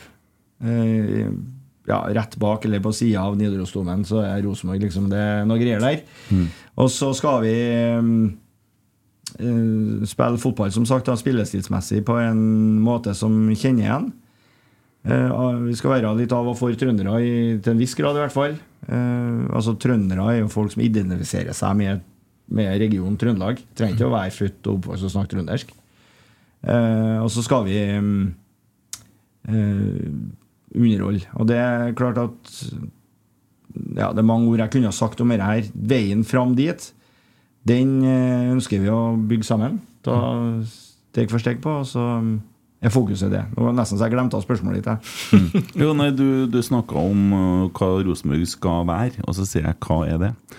Eh, Ja. ja, og Spørsmålet var jo fra en Klarter Toff. Det handla om uh, at du følte at du hadde støtte, og det syns jeg du svarte på. En til fra Torsdagsbikkja. Uh, synger du fortsatt Rosenborg-sangen for ungene når de skal legge seg? Jeg er ikke jeg har blitt så stor nå at jeg trenger ikke å synge nattasanger. Men eh, den, den ble sunget ganske mange ganger. Ja. Både den og så den Rosenborg er laget mitt. Ja. Og så sang jeg Ranheim-sangen noen ganger etter hvert. Men Ja. det var Den jeg laga, nei Det var Det var litt for rocka kanskje til å sove til. Ja. Det, ja. Eh, Men det er jo snodig at han vet det der, da. Eh, Det er jo litt artig. Millions of people have lost weight with personalized plans from Noom, like Evan, who can't stand salads and still lost 50 pounds. Salads, generally, for most people, are the easy button, right? For me, that wasn't an option. I never really was a salad guy. That's just not who I am. But Noom worked for me. Get your personalized plan today at Noom.com. Real Noom user compensated to provide their story. In four weeks, the typical Noom user can expect to lose one to two pounds per week. Individual results may vary. Hey, I'm Ryan Reynolds. At Mint Mobile, we like to do the opposite of what Big Wireless does. They charge you a lot, we charge you a little. So naturally, when they announced they'd be raising their prices due to inflation, we decided to deflate our prices due to not hating you. That's right. We're cutting the price of Mint Unlimited from $30 a month to just $15 a month. Give it a try at mintmobile.com slash switch. $45 upfront for three months plus taxes and fees. Promo rate for new customers for limited time. Unlimited more than 40 gigabytes per month. Slows. Full terms at mintmobile.com. Finding your perfect home was hard, but thanks to Burrow, furnishing it has never been easier. Burrow's easy to assemble modular sofas and sectionals are made from premium, durable materials, including stain and scratch resistant fabrics. So they're not just comfortable and stylish, they're built to last. Plus, every single Burrow order ships free right to your door. Right now, get 15% off your first order at burrow.com slash ACAST. That's 15% off at burrow.com slash ACAST. Eh, ærlig RBK, og da han eh, kommer med et lag, hva synes Svein om dette laget? Så han skal vurderes som uh, trener, sikkert. Uh, Tangvik, Andersson, Reitan, Røsten, Pereira, Nypan, Børkøye, Holse, Fredriksen, Holte, Skarsheim. Skarsheim som ving der, faktisk.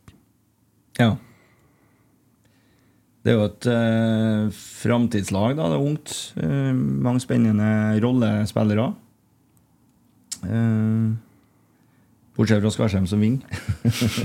Skarsheim kan spille ving. Nelson inn når han er skadefri, skriver han. Ja. Nei, det er et uh, lag som uh, har mye potensial, og så er det um, kanskje litt umodent ennå til å prestere på veldig høyt nivå i Eliteserien. Mm. Eh, Tangvik, da først. da så Han sto jo mot Hamar, Hamar nå. Er det sånn at han kommer til å få flere muligheter nå som på en måte Nå er det jo bare å tenke frem til likevel, antageligvis? Eller? Ja, det skulle han få uansett. Ja. Eh, vi har bestemt oss for det, at eh, Sander skulle, skal, skal matches litt utover høsten her og få mer og mer kamperfaring. Mm. Eh, har, han har jo, det har vært en plan for Rosenborg i lang tid at han skulle eh, få mer og mer kamperfaring, og at året her spesielt skulle ned. Og så Kom vi til sommeren og ennå ikke fått det, så vi måtte bare sette i gang nå. Og så er det ei veldig fin overensstemmelse med, med André, som er en spiller som skal virkelig ha stor respekt for den karrieren han har hatt i Rosenborg. Han skal ha veldig stor respekt for den typen han er i garderoben, den typen han er eh, nå òg. Eh, ønsker å spille alle kampene, selvsagt, og er meget profesjonell knytta til å spille gode kamper når han først spiller. Og så er han 100 i ryggen på Sander og pusher han til å bli en best mulig keeper, og også når han får muligheten til å spille. Mm. Syns det var veldig fint det du gjorde der før Odd- Odd-kampen, for da ble det litt kok i media, og Odd ønska André og bla, bla, bla. Så gikk du ut og sa du det du sa, da var den ballen lagt død. Det var ikke noe Og det var jo ikke noe tvil om hva hjertet til André Hansen var når han sto i mål. Men det, jeg, tenkte jo to tanker der når at, eh, så de begynte å snakke om at han skulle til Odd, og ja, rykter om at han har signert og sånn og sånn. Og det kan godt hende han har gjort det fra neste år av. Eh, Han skal jo ikke være her da. Eh, og jeg tror at en Rasmus fra Stjørdals-Blink i Rosenborg lag med Sander Tangvik neste år. Det tror jeg. Det har vært nydelig, det. Artig for oss som holder på med det her, i hvert fall. Jeg, jeg syns det er kult da, at vi begynner å få til typer, keepertyper i ung alder som har ryggrad og evner og ferdigheter til å stå på et høyt nivå. For det har vi ikke vært bortskjemt med. Vi har ofte henta ferdigetablerte, gode keepere. Og nå tør vi faktisk å slippe en tror- uferdig type. Jeg tror vi kåra faktisk han til banens beste spiller her på søndag. Fordi at de målene kunne ikke vi laste han for. Jeg tror, jeg tror faktisk jeg synes jeg husker vi gjorde det. Så kan vi diskutere da om det er bra nok for å være førstekeeper neste år. Det tør ikke jeg svare på, men jeg, jeg liker at vi tør å matche nå. Vi ser liksom mulighetene, men om han bør være førstekeeper neste år, det er jo selvfølgelig ikke min vurdering. Men jeg, jeg er usikker på om det er rett også overfor spilleren. For det er noe med å skape godfot, skape best mulig arena. og Får han en dårlig start på en sesong, så kan jeg faktisk heller ødelegge en karriere enn å bygge en spennende si en god karriere. det kan du si om en gamle keeper òg. Ja, men, men det med å gjøre feil og den erfaringa det, det er jo en grunn til at en keeper har høyden sin mye Ja. senere enn en utespiller. Det, har jo, det er en helt annen rolle å skulle være keeper i Rosenborg. Mindre å gjøre. Du må ha en konsentrasjon. Du må, du må skjønne spillet på en måte. Det, det er en krevende rolle å være keeper. Og det er en en grunn til at veldig få unge keepere også slår gjennom tidlig. Ja da. Det, men vi har jo ikke tatt ut laget for neste år ennå, vi, så det, vi må bygge gjøre vurderinger hele tida. Men så gjør vi han Vi har jo veldig trua på Sander og gir han muligheten til å, til å få kamperfaring nå. Og det er jo en av de mulighetene vi har til å se om hva han kan være, og hvor viktig og hvor god han kan være for oss, og hvor god han kan bli. Da, da man spiller kamper. Mm. Røsten har jo tatt veldig gode steg. Altså, han har jo spilt gode kamper nå. Eh, og for å ta med det òg, da. Vi, vi har jo et ord som heter komplementære ferdigheter. Vi har jo skrytt sånn av han, eh, han godeste nordlendingen vår, uh, Ulrik. Ulrik Yttergård Jensen. Og han har jo bare blitt bedre og bedre med Erlend ved sin side. Og jeg begynte også å se Og der får du det eksempelet, for han er ikke så god uten Erlend. Er det hurtigheter til Erlend som gjør Ulrik så trygg, eller? Det kan hende. Uh, spilte i hvert fall bra sammen sist, syns jeg. Eh, og, og det er artig å se Håkon faktisk, Han blir jo veldig utfordra på det Altså Faktisk på en av de vanskeligste lagene å spille midtstopper mot, for at det er så mye kjøtt og trøkk og kraft. Og, og det er i hvert fall, i hvert fall den delen av spillet ble vi veldig utfordra på. da Det gikk ikke sånn fort langs beina, og sånt som, som stoppere heller ikke liker. Nei, Som- Ulrik, Ulrik var jo uheldig mot Ha- HamKam, det må jeg si. Uh, gjør jo en del feil der. Men uh, Ja. Håkon er god. Ja, Håkon, ja, Håkon kom inn og var veldig god i helga, syns jeg. Gjør mye bra defensivt. Står opp i vinduellene duellene sine. Dreper mye overgangssituasjoner, men plasserer seg godt. Og, og det, er veldig, det er veldig viktig å ha fart på midtstopper. Og spesielt sånn som Rosenborg, sånn som vi skal spille, så skal vi, må vi ha fart på midtstopperne. For vi skal stå høyt i banen, vi skal angripe høyt. Vi, vi må tørre å etterlate oss rom bak oss. Og da må stopper, stopperne i Rosenborg eh, ha litt fart og ha god kontroll på rommene rundt seg. Jeg, jeg syns Røsten fremstår utrolig moden i spillestilen sin til å ha så lite erfaring på nivået og, og kommer inn og plasserer seg, som du sier, da, Svein, veldig godt hele veien. Det er aldri at den er helt feilplassert. Det er jo ofte det er jo typisk med en ung, uerfaren en at den står ofte litt feil og havner i etterskuddet. Jeg syns han takler det veldig bra. Han gjør det. Så kommer han til feil, han. Og kommer helt sikkert til å komme en bl- blings eller glipp eller noe sånt, så stabiliserer prestasjonene på et høyt nivå. Det tar litt tid, det. Men han har i hvert fall hatt to to-tre fine innover kamper nå, da. Eh, og faktisk på begge sider nå. For Haugesund så kom han jo inn på venstre side, så han spilte godt òg. Er, er det en bevisst måte du ønsker å drive utvikling på nå, eller å gi flere og flere sjansen for å se litt hvordan responsen blir, og hva får du, hva kan du forvente også for eventuelt et neste år? Ja, så er det viktig å si nå at, at uh, Sander Tangvik har vært en del av avstanden til Rosenborg i ganske mange år nå. Og utvikla seg der i, i skyggen av Andre Hansen. Uh, spilte etter hvert mye seniorkamper på, på RBK2 osv. Uh, og er jo uh, ja, hva er han 20-21. Uh, så så er, det er jo ikke en juniorspiller vi snakker om, men en ung spiller som har utvikla seg og tatt steg for steg. Og så er neste nivå til han å spille toppfotballkamper og få kamperfaring. Eh, Håkon Røsten er jo, har jo også vært i avstand til Rosenborg nå i hva er det, to, to, to, To år, ikke to år. Eh, fått mye utvikling og ja, smått og senn. Og så er her en høst hvor han skal begynne å få mer kamperfaring. Og minst så lang tid tar det, altså. Fra du er en ung spiller til du, til du begynner å spille en del. Og, og det kan ta enda litt lengre tid også, før du er en klink førsteelverspiller som leverer på høyt nivå hver eneste søndag. Det, det det. Det tar tid. Det de står på brua, som vi kaller det, brospillere her, som skal komme seg hele veien over. Og del av det å være tålmodig og stå i det. Og Derfor så, så er det viktig å se forskjellen på dem og en spiller som eh, som f.eks. Uh, ikke har trent så mye med A-laget til Rosenborg, men som kommer opp på en spennende ung spiller. Han, han må fortsatt gå den reisa, han òg. Og at det kanskje tar etter to til tre år før vi ser han ganske mye på banen. Hvor, hvor viktig er det elementet at du faktisk får kamperfaring? For det er jo noe som diskuteres at man ser på trening, og, og unge spillere kan gjerne dominere i treningshverdagene, og så kommer de ut i kampsituasjoner, og så glemmer de nesten alt de har gjort på trening. Hvor, hvor viktig er den matcharenaen og utviklingsarenaen, det å få spille på det høyeste nivået? Det er kjempeviktig, selvsagt. Og det er der det ofte blir avslørt òg. For det som jeg sier, Den viktigste faktoren som skiller de, gode, de unge spillerne, er den mentale ferdigheten. Evnen til å tåle motgang, evnen til å tåle at det er tøft. Oi, det var så tøft der, ja. Og publikum presser. Konsekvensene av å gjøre feil, konsekvensene av å tape kamper. Eh, motsatt. Eh, det du, det du, alt du får inni hodet ditt når du vinner kamper, når det er bra, når du får oppmerksomhet, det skal tåles, det òg. Og det er mentale ferdigheter som er veldig veldig viktig. Og som jeg har sagt mange ganger, det er jo det som er noe av det som imponerer meg mest med en Sverre. At han tåler ting veldig bra og tenker veldig rett. Og så det betyr det jo at noen ganger så må vi matche dem rett. For at det er ikke alle som tåler like bra med en gang. Da må de få små drypp, og lære av de små dryppene. Ja, øh, jeg, var, jeg hadde en tanke her, men den forsvant igjen. Øh, men det er mye bra som skjer. da, Det er mye gode unggutter. Jo, og vi snakker jo om det å få spilt kamper, så har vi et godt eksempel i Kristiansund da, som har vært litt snakka om. Det kommer sikkert noen spørsmål, men vi kan jo snakke om en likevel. Han Broholm han har jo vært med på rundslag flere ganger. Jeg har sett en del kamper med dem. Eh, Jeg hører dem si på TV-en at han, dem, Kristiansund har én spiller fra Rosenborg. Det er feil, de har to. De har Mikkel Seid òg. Men eh, Broholm han eh, ser virkelig kvass ut nedi der. Og så hørte jeg Mikkelsen i Driblevekkpodden eh, snakke om hva som mangler også for å på en måte bli en komplett fotballspiller. da Snakker du med Mikkelsen om en broren, eller?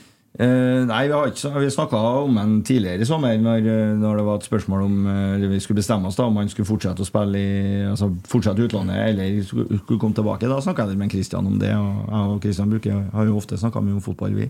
Eh, men vi har ikke vært så mye inn på detaljer på utviklingsarbeid og sånn. Det handler litt om respekt for hverandres arbeid òg. Men eh, akkurat nå så er Marius eh, en veldig bra på en veldig bra plass, syns jeg. Han er lånt ut fra Rosenborg for å få kamperfaring. Og den kamperfaringa skal jo helst være god kamperfaring, altså spille gode kamper, for det er den beste utviklinga. Så det er ikke noe som er likere enn det. Han, han er der, spiller gode kamper, er viktig for Kristiansund og lærer veldig mye hver eneste søndag når han spiller, eller lørdag, eller hva det er. Og så er han en enda bedre Rosenborg-spiller når han kommer tilbake. Det lukter jo litt Fredrik Midtsjø av denne reisa hans, da. For at eh, når han kommer tilbake neste år, så er han eh, klassespiss. Jeg jeg syns på mange måter at det er en god vurdering å la han spille. Da. For jeg er usikker på om han har fått den samme gode utviklinga ved å være litt ut, litt inn. Kom inn her, kom inn her. Nå er han klink førsteelverspiller. Han dominerer, han får gode opplevelser hver uke. Tenk deg den bagasjen han kommer tilbake Mm. med i januar for Rosenborg. da. Og det er ikke sikkert han har sittet igjen med hvis han har spilt på et lag som det ikke flyter for. Han har kanskje ikke fått spilletid. hvor mange indreløpere har ikke vi, da? Nettopp. Og det er ikke sikkert han har knekt koden i Eliteserien. Det er et nivå opp, og han, han trenger den modningsprosessen. Så jeg tror den måten her jobber på er veldig riktig. da Jeg mener jo at Hagseth burde ha tatt den turen òg, for da tror jeg han har vært en mer utvikla spiller i dag enn han er. Og det, det er min mening. Jeg mener at han gikk ikke rett tjenestevei og ble matcha for sjeldent på et for høyt nivå, og burde ha blitt reindyrka en posisjon i et nivå lavere. Da tror jeg han hadde fått mer utbytte av potensialet sitt enn det han har fått per dags dato. Mm. Brannfakkel. Det var en liten brannfakkel, da. Skulle låne ut han nå, eller bare Nei, men, men det handler litt om den prosessen at for Ja. to og et halvt, tre år siden så burde han ha gjort det samme som Broholm har gjort nå. Jeg tror det grepet på lang sikt gjør at Marius Broholm blir en mer komplett og bedre fotballspiller og er mer Mm. rusta for det som kommer i framtida. Ja. Ja. Uh, dribleback, som det kaller seg, uh, forlanger jo at du tydeligvis skal styre avsparksfesten neste år, og at du må da leie inn Valen Touretz. Eh, så da ordner du det. Ja, tar gjerne Valen Torritz. Ja. Ja. Nicolay Khan takker for at du har gitt troa tilbake, og så skal jeg spørre om du syns vi har for ung tropp. Ja, for ung i forhold til hva? Altså har, nå har vi en eh, Nå har vi en ung tropp. Det er, bare, altså det er punktum. Det er ikke noe å diskutere det. Jeg å se på gjen- aldersgjennomsnitt. Um, og så er han um, Og så har han litt lite erfaring. Altså Den yngre enn mange andre eliteserietropper. Så blir han kanskje kunstig dratt litt opp av enkeltspillere, André Per og sånn. Eh, Men sånn jevnt over, sånn, hvis du ser på hva, Gjennomsnittet er ett tall, men så er det, hva er det, median, eller hva man kaller det andre tallet, så er det litt tungt. Og så er det den der eh, den der eh, andre faktoren som handler om erfaring, som ofte kan forveksles litt. Og er ung og er, erfaren. Altså, hvor mange er det som Hvor mange i dagens Rosenborg-trapp, Rosenborg-elver, er vant med å spille eliteseriekamper og kjempe på medalje? Hvor mange av dem har eh, erfaring med å spille på topplag? Hvor mange av dem har erfaring med å spille i vår spillestil? Eh, hvor mange av dem har erfaring med å spille om europacupplasser? Der er det eh, Der er det per definisjon akkurat nå, det er fakta, litt lavere nivå på det Rosenborg-troppen vi har nå, enn vi skulle ønskelig ha hatt, og det som vi skal få senere. Men snu det om, da, så ser vi et voldsomt potensial i troppen vår. Det er veldig mange sultne spillere her. Det er veldig mange potente spillere som, som har en godfot eh, som, som de kan forbedre, og som kan bli veldig, veldig god. Eh, og sammen så er det, og så er det en fin sammensetning på mange vis. Spesielt hvis du ser litt i glasskula litt, litt lenger sikt. Når de får litt mer erfaring, rann, et år mer på baken, så begynner det begynner jeg å se konturene av en veldig fin sammensatt tropp, også erfaringsmessig aldersmessig.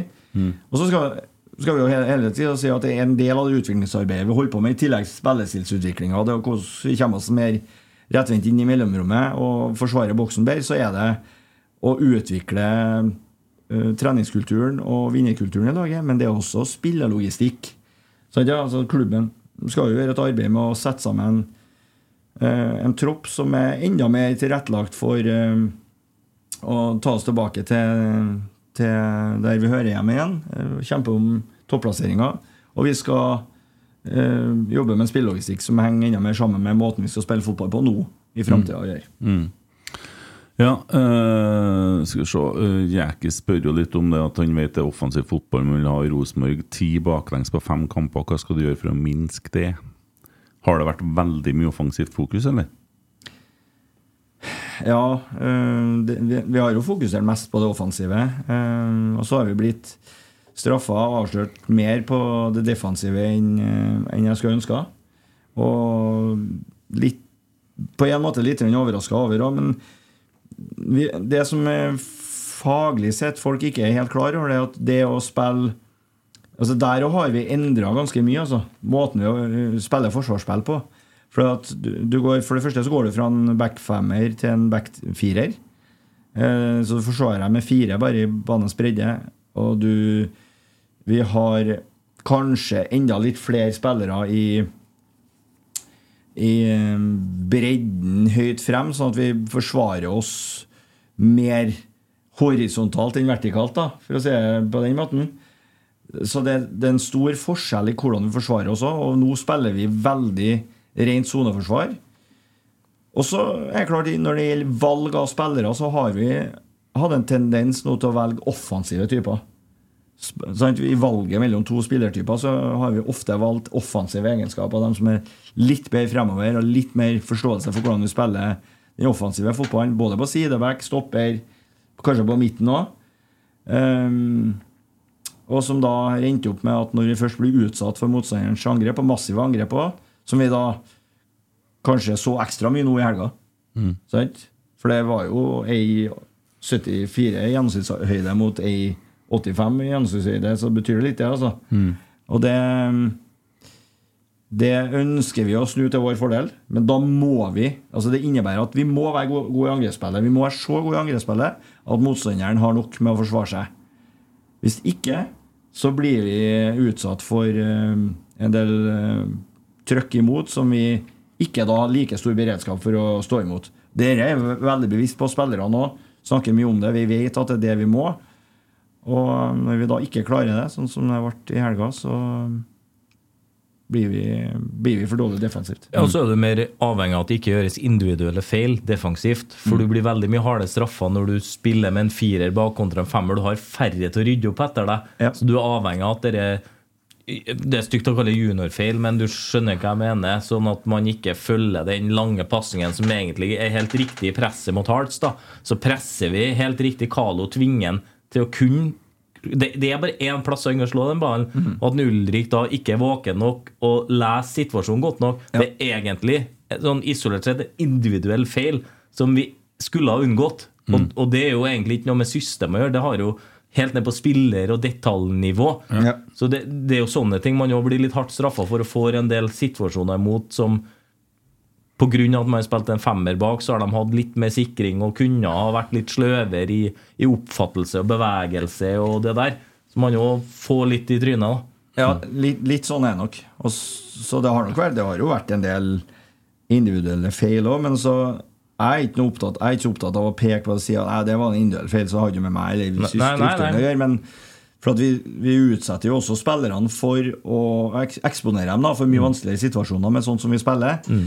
Og, og derfor så, så sier jeg det det kan skje, men det, det, vi må så fort som mulig ta læring på det. For det, vi kan ikke holde på å slippe inn sånn type mål, i hvert fall, eh, for mye. For da, vi, sant, som jeg sier, vi kan ikke ligge under kan ikke bare ligge under 1 og 2-0 etter et kvarter i alle kampene, og så skal du hes eh, komme etter. liksom, Det, det går ikke an. Mm.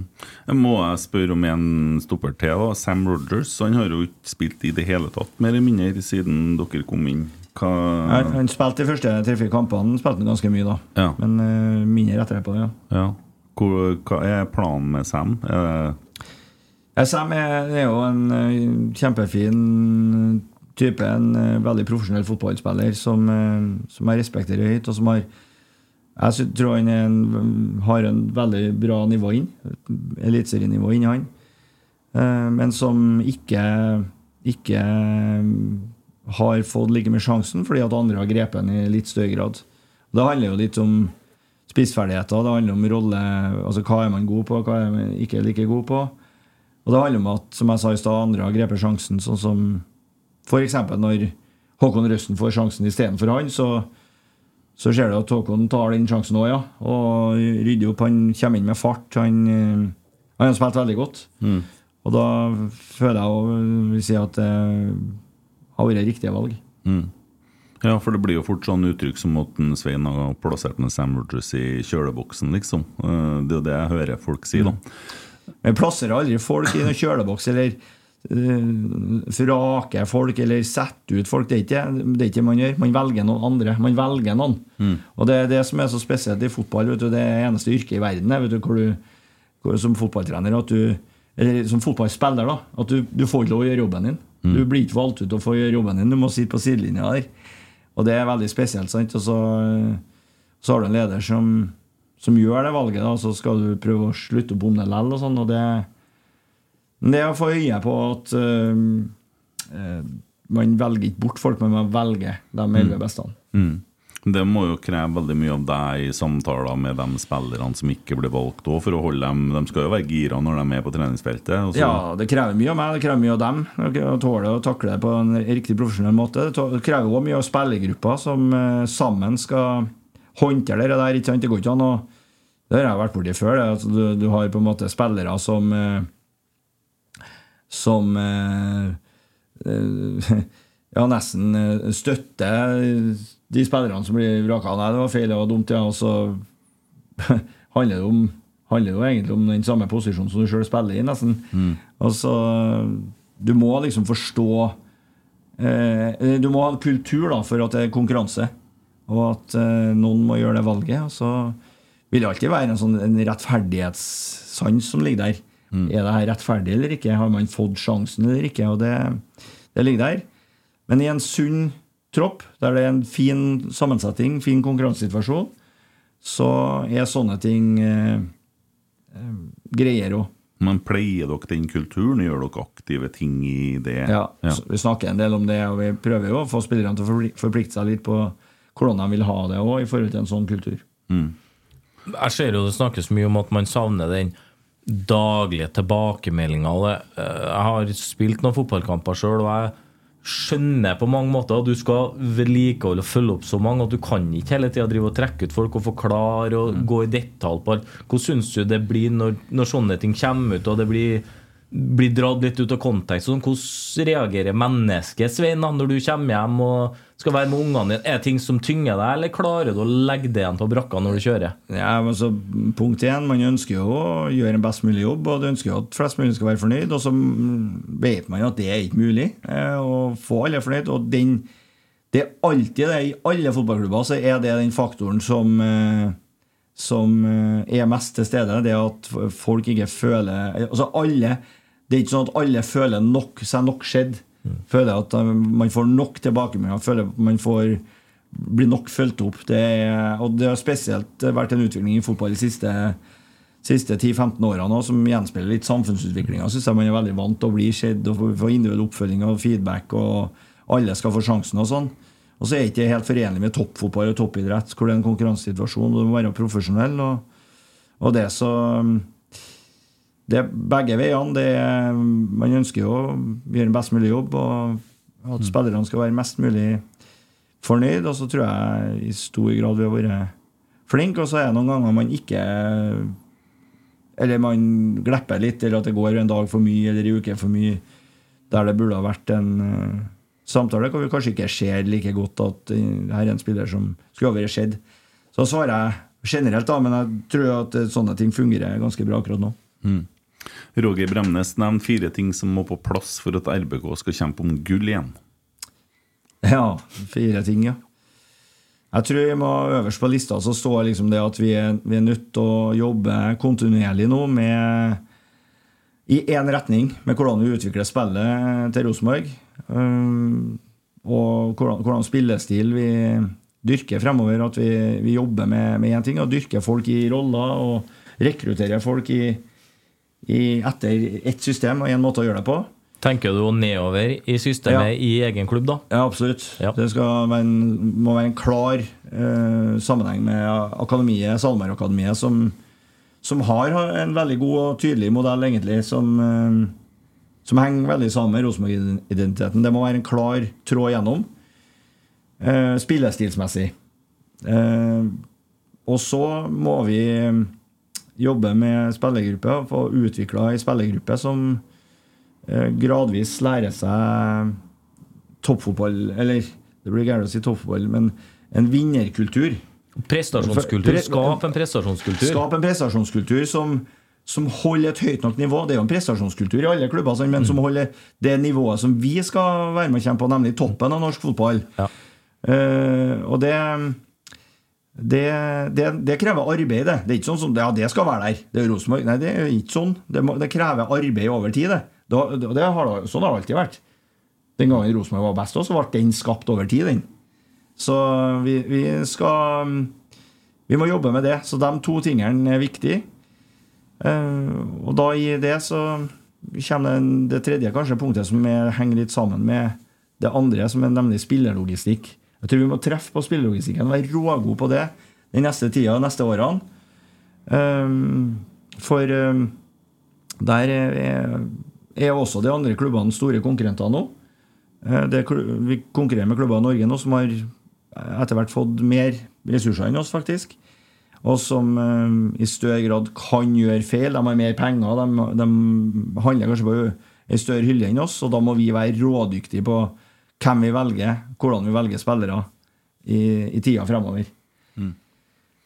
Eh, og ha en fin flyt, være godt forberedt. Ja, Der har vi jo eksempel på klubber som f.eks. Tromsø, som, er- ja, som jeg har skjønt opererer litt i Oslo-markedet og litt sånne ting, og finner spillere som er rolletyper, og som passer akkurat inn i det dem, som ikke bruker veldig mye penger. Og så vil jeg si punkt fire. Det er at vi, vi må ha et fellesløft, eh, alle sammen i trøndersk fotball. eh, Fra spillerne til støtteapparat, omgivelser, til ledelsen i klubben, styret i klubben, medlemmene, supporterne og omgivelsene ellers eh, på at eh, dette her er når vi tar eierskap til sammen. Vi er nødt til å stå samla om det. Um, Vi er nødt til å identifisere klubben og hva klubben er, og så står vi støtt på det skal vi gjøre uansett. I medgang og motgang. Om det tar litt tid eller lang tid, så skal vi stå i det. Det tror jeg er ganske viktig, og det, det er en sånn henvendelse egentlig til omgivelsene òg. For eh, sånn eh, Hva heter det? Altså, hvis vi skal være veldig sånn splitta i hvordan vi oppfatter ting, hvis vi får veldig mye sånn ulike meninger i for stor grad, som drar i forskjellige retninger, så, så kommer vi ikke til å lykkes. Derfor så er det veldig gledelig, syns jeg, at eh, Jeg opplever i hvert fall at de som bruker aller mest tid på Rosenborg av supporterne våre, de som er mest ihuga, sånne som dere f.eks., og eh, ikke minst Øvre Øst, da, som er fantastiske støttespillere, de, de opplever jeg veldig står i det nå og støtter oss i medgang og motgang. Og et eksempel er jo nå på Hamar sist. Og andre, noen andre eksempler på kamper der vi ikke har spilt så bra, så er det full støtte. Og det, det trenger vi. Det felles løftet trenger vi. Og det er et signal til oss òg, spillere, trenere, om at uh, eh, det her betyr mye for mange. Her må vi søren meg gjøre en god jobb. Hvor- Hvordan tenker du rundt det som kommuniseres nå, rundt det styret skal gjøre? De skal eh, lage en, en plan og en strategi for at vi skal forvalte det som kan bli gull igjen, da, og at vi skal ha en så tydelig retning at om det er en Svein Målen eller om det er noen andre som trener, så har de noe, noe, et veikart å følge. Og så er det selvfølgelig rom for å ha litt krydder og kunne, kun tilspisse det. Men at det skal sitte i veggene uansett hvem som kommer inn. Hva tenker du om de planene rundt det der? Jeg tenker helt rett, og jeg er veldig glad for at det er sånn, og mm, tror veldig på det. For det, det, er, det, er jo en del, jo en del som mener at uh, Rosenborg liksom snakker for mye om røttene, og man er for opptatt av storhetstida og gammeltida skal kopiere det, og det er helt feil, og man må gå en annen retning og sånn. Jeg mener fullstendig motsatt. Vi har gått for lite etter røttene, gått for lite etter klubb, eller klubbens identitet, vil jeg bruke. Det syns jeg er et bedre begrep. For at det handler ikke om liksom, noe historisk, det handler om noe som er. Det handler om noe som er der, og som folk kjenner igjen, og som, som, som folk identifiserer med Rosenborg. Og, og når man i tillegg har øh, Veit at det står seg, og det er jo masse levende bevis på at det står seg øh, i dag, og, og kanskje også en veldig god, god oppskrift òg, så er det øh, helt åpenbart for meg at det, det er det vi må gjøre, men vi må gjøre det enda bedre. For det er mange Det har jeg sagt mange ganger før. Også I de siste 20 årene så er det mange valg mange retninger klubben har tatt som overhodet ikke er etter klubbens identitet, etter mitt skjønn. Men har vi lent oss litt for mye på Vi, vi har snakka mye om kultur i Rosenborg-miljøet, og om Rosenborg at kulturen sitter i veggene, men en, en kultur sitter jo ikke i veggene. En kultur er det du skaper, og det må du jobbe og utvikle hele tida. Har vi vært for lite fremoverlent og lent oss for mye tilbake og liksom Nei, men kulturen sitter i veggene på Lerkendal. Er, er det litt sånn vi har holdt på? At vi har blitt litt sånn nonchalant og ikke jobba nok med å utvikle vårt eget produkt? Roar Vikvang sa det så bra når han var her, for at dere er bare tullprat. For veggene har ikke noe med kulturen å gjøre. Kulturen sitt er innafor veggene. Det er menneskene som er innafor veggene, som er kulturen, som bærer kulturen. Det er de, det er innafor, men også utafor litt òg. For at, Ja, ja. eh, Ja, ja. alle så innenfor veggene i, i Trøndelag, da, for, Mm. eller i regionen vår, eller dem som identifiserer seg med Rosenborg. Det, der er det en kultur, og så er det alltids uenighet, og det finnes ytterpunkter òg. Ja. Men i stor grad så tror jeg at hvis du har sendt ut spørreskjema til alle som identifiserer seg med Rosenborg og ser på seg sjøl som Rosenborg er mitt, på en måte, så vil du få veldig stor grad av uh, samme svar hvis du spør om hva kjennetegner en rosenborger. Eh, hva, kjenner, hva er de viktigste tingene eh, du ønsker at Ros skal kjenne til en Rosenborg spill, f.eks., så vil du veldig ofte få mye like svar. Og du kan jo skrive i parentes 'ikke lov å svare 433'. Likevel så vil du få mange like svar, faktisk. Noe ulikt òg, men det, og det er identiteten for meg. Og så må du og så er jo lederne i Rosenborg som er hovedansvarlig for å, for å videreføre den kulturen i form av valgene man tar. De strategiske valgene, eh, valg av eh, retning, valg av mennesker og valg av kommunikasjon. Og det, hele denne pakka der, det, det er lederne som har et hovedansvar for. Å begynne med, med medlemmene, årsmøtet og styret, da, og så administrasjonen. Ja, det er mye godt der, og jeg håper at vi kommer oss til den eh, Sånn som eh, Nils Arne holdt på på Adressa før, vet du. Når de eh, var oppe på Heimdal der og laga sånn TV-program etterpå, så sitter de og krangler hvorfor satt ikke innpå han. Og så sitter de og diskuterer sånne ting, i stedet for at det er sånn kok på sosiale medier der de skal fjerne folk, og det er Det er, så, det, det er blitt så hardt, da. Eh, hvor vi er, det er mye koseligere det vi holder på med i dag. sant? Ja, og så, må det være rom for å være uenig, være rom for å diskutere, for det skaper utvikling. Men, men det må være saklig og være begrunna, og så kan mm. vi kappe hodet av folk hver gang noen tråkker feil. For det må være rom også for å tråkke feil, men å lære av det. Og det er jo kanskje det Rosenborg ikke har vært god nok til. Og lært av feilene, men vi har tråkka det samme veppsporet flere ganger på rad. Så har det ikke vært noe utvikling og noe kurve som har pekt rette veien. Nei, men altså, vi rundt jo må jo tåle å få oss noen på trynet. Eh, Rosenborg har jo gått fram nå med brekt nese, uten maske, sting i panna og skåre med nesen. Og hørt en trener sa at det spiller ingen rolle å skåre med kuken i ballene, det skal i mål. Og det er liksom, det har vært holdninga. Ja, men det har jo det. Og, og da, da er det klart at eh, må, vi må jo tåle noen trykker, og så må vi jo skjønne at vi jo kan være med og spille laget god. Det, det, det går veldig godt an, det. Altså, du kan ikke kjefte noen god. Nei, i hvert fall eh, mitt syn på det å kjefte er jo at du kanskje gjør en enda dårlig, skaper en enda dårlig prestasjon til vedkommende etterpå, for du bygger jo i hvert fall ikke noe mer sjøltillit. Nei, men Mye av det jeg snakker om nå, handler om forventninger. Det, vet du, altså Forventningene til folk. Altså for, det, det er klart at det er jo en del av identi- identiteten til Rosenborg at vi forventer at Rosenborg skal være i toppen. Altså det, det er en toppklubb i Norge. det eh, Alt i Europa er jo en målsetning for klubben, og det innebærer jo bl.a. å være helt oppe i toppen her. Og, og, um, og så har jo noen in, in, Noen har jo sikkert forventninger om at man skal komme tilbake til Champions League igjen, nesten, og noen har forventninger om at man skal vinne hvert år.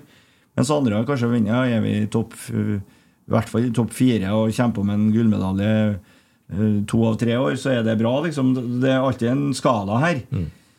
Men akkurat nå så må ikke vi glemme at Rosenborg har hatt en nedadgående kurve over lang tid. Eh, og det betyr at vi er der vi er. Det betyr ikke at eh, ah, det, er, det er noe feil med én person, eller her er bare en formasjonsendring, her nå, så plutselig er man tilbake igjen over natta. Nei! Det tar faktisk lengre tid enn det. For det, jeg brukte en del tid på å gå i feil retning òg. Så her er det her er det å få øye på det, at, det riktige, at vi alle har det riktige forventningsbildet. Da. Og det Altså Min jobb er å identifisere og peke på muligheter.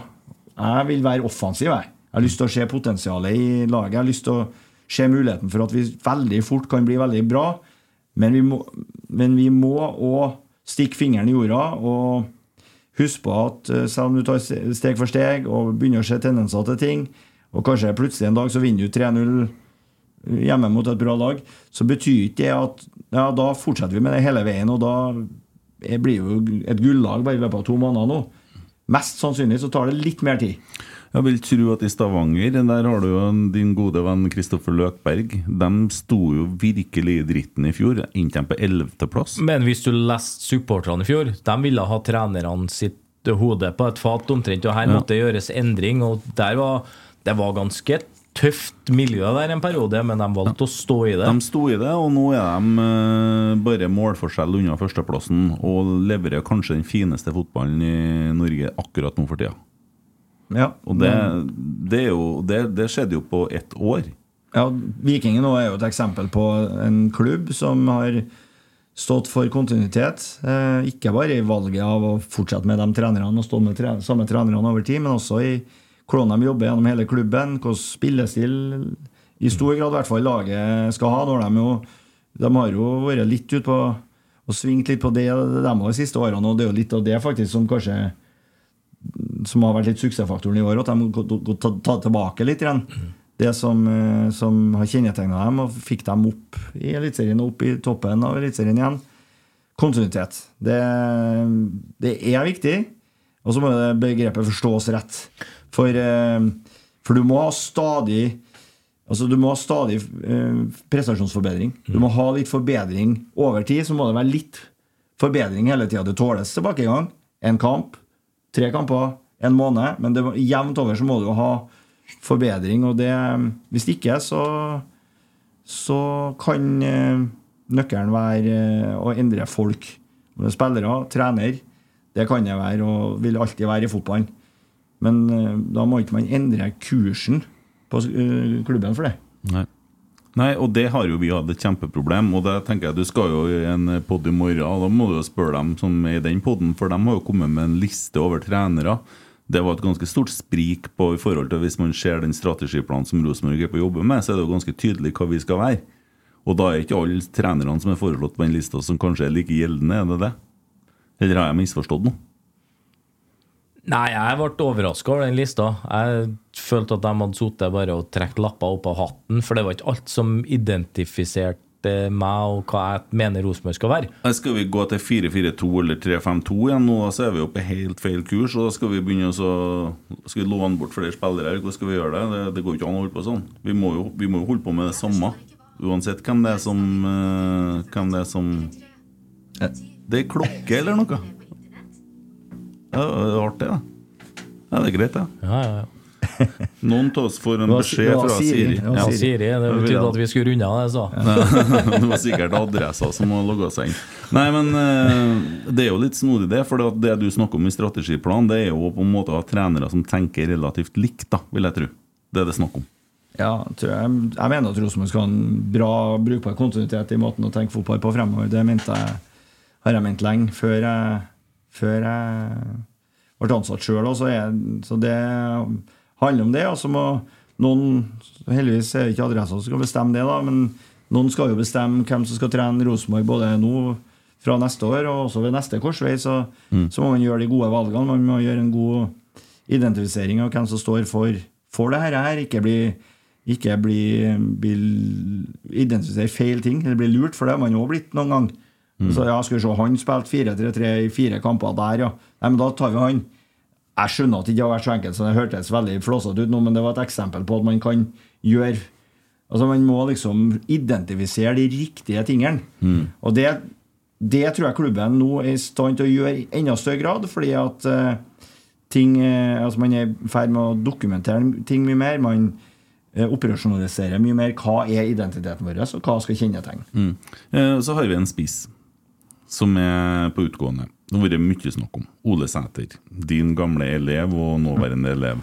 Uh, Ole han er jo en sånn, uh, etter dagens marked, i hvert fall en 30 millioners uh, spiss. Det vil jeg tro.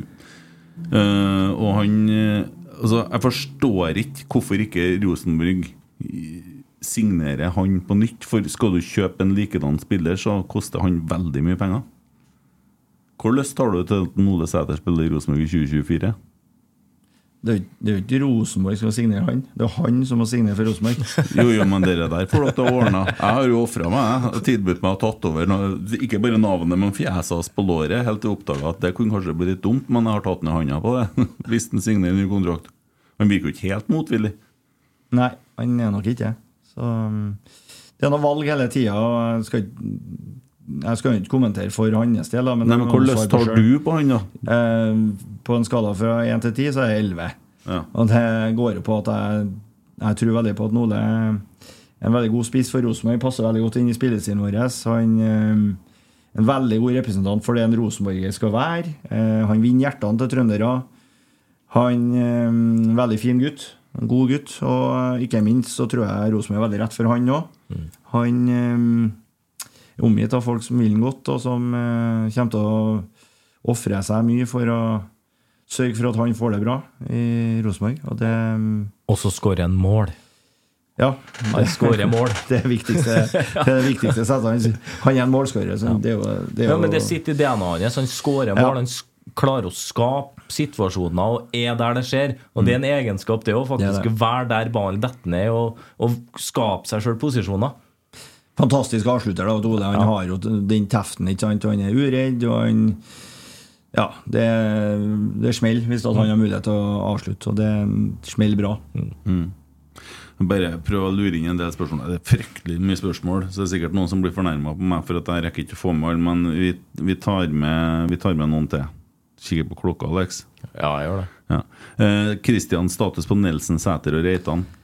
Kan du si noe om det? Ja, for Vi kan jo svare litt kjapt. Får vi ta det? Jeg kan svare litt kjapt, det. Men han er Nei, dem er mm, Nelson Sæter Hva sa du? Nelson Sæter og Reitan, ja. Ja. Eh, alle kan være aktuelle for å være med i troppen i helga. Og Så får vi se gjennom uka her hvor, eh, hvor klare de blir, og, og eventuelt hva de kan være klare for. da Mm. Så har det kommet et fra Frojo. Hva syns Jonas Sunde om T-skjorta til Kent? Dere kan jo svare for Jonas. Han er jo broren min. Eh, skal vi se, så er det et litt sarkastisk her fra Norwegian Scout. Er overgangsbudsjettet kroner null, og er det derfor Langås alt ikke er RBK-spillere nå? Jeg kan ikke kommentere spillere som ikke er her, men uh, som vi har sagt mange ganger før overgangs... uh, ja, både jeg og an andre i Rosenborg har jo sagt at spillere må ut før vi kan ha noen inn. Og det, det går jo på litt på økonomi og Er lån er lik ut, eller er lån er lik at de fortsatt er inn? For vi har lånt bort noen. Eh, ja, tja, vil jeg si til det. Ja.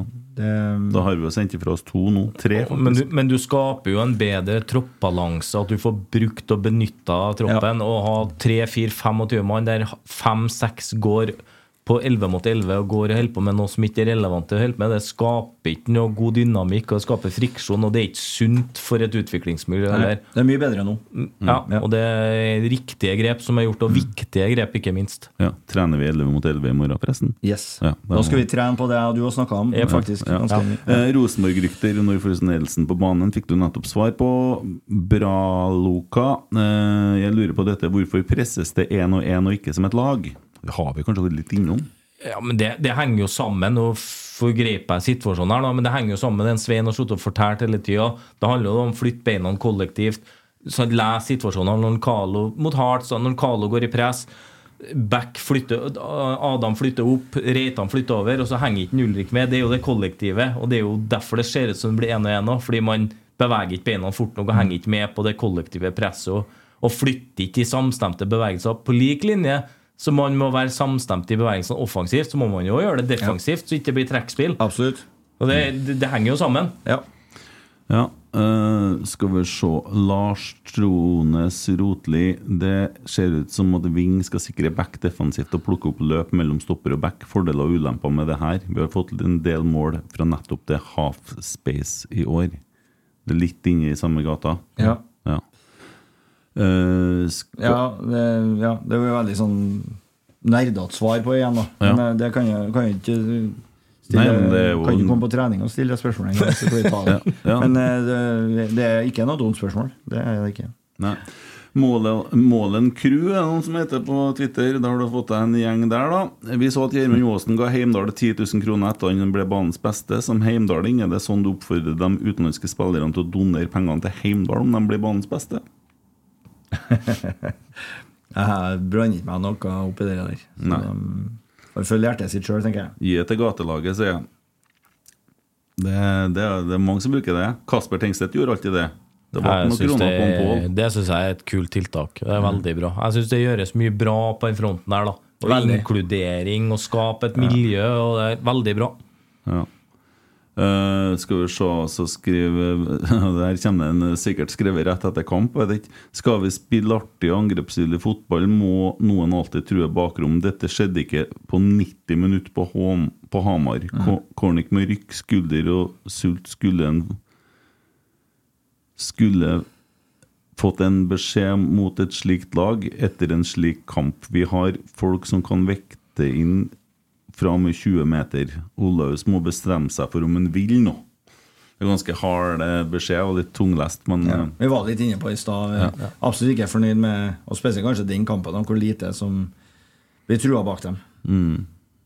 Men det jo, blir jo, det kampbildet utvikler seg, og sånn. Ja. det, det er jo det som skjer. Og de ligger veldig lavt, og vi evner ikke å holde i ball og dikte noe tempo og skape noe framdrift i spillet i hele tatt. Og da er det helt naturlig at det Ja, ikke blir trua. Så blir vi litt resignert dessverre utpå spillerne. Og det er noe av det første du ser da, at det blir mindre eh, eksplosive bevegelser inn i rom frem, fremom. Og det er akkurat det du trenger, egentlig. Og det det vi ga beskjed om til de spillerne som kom inn på banen nå, at det er det vi trenger nå.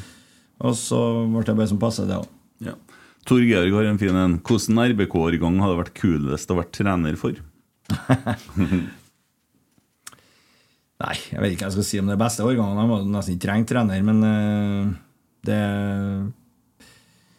det, det er jo lett å tenke det, da, ikke sant? at Rosenborg har noen årganger som kan, kan hevde seg på høyt nivå i Europa. Det, det er jo det. Altså, det er veldig kult å trene den gjengen vi har nå, for det er et stort potensial. En, ja, det er en fin og kraftfull utfordring som er der, og det, det er artig, det òg. Mm.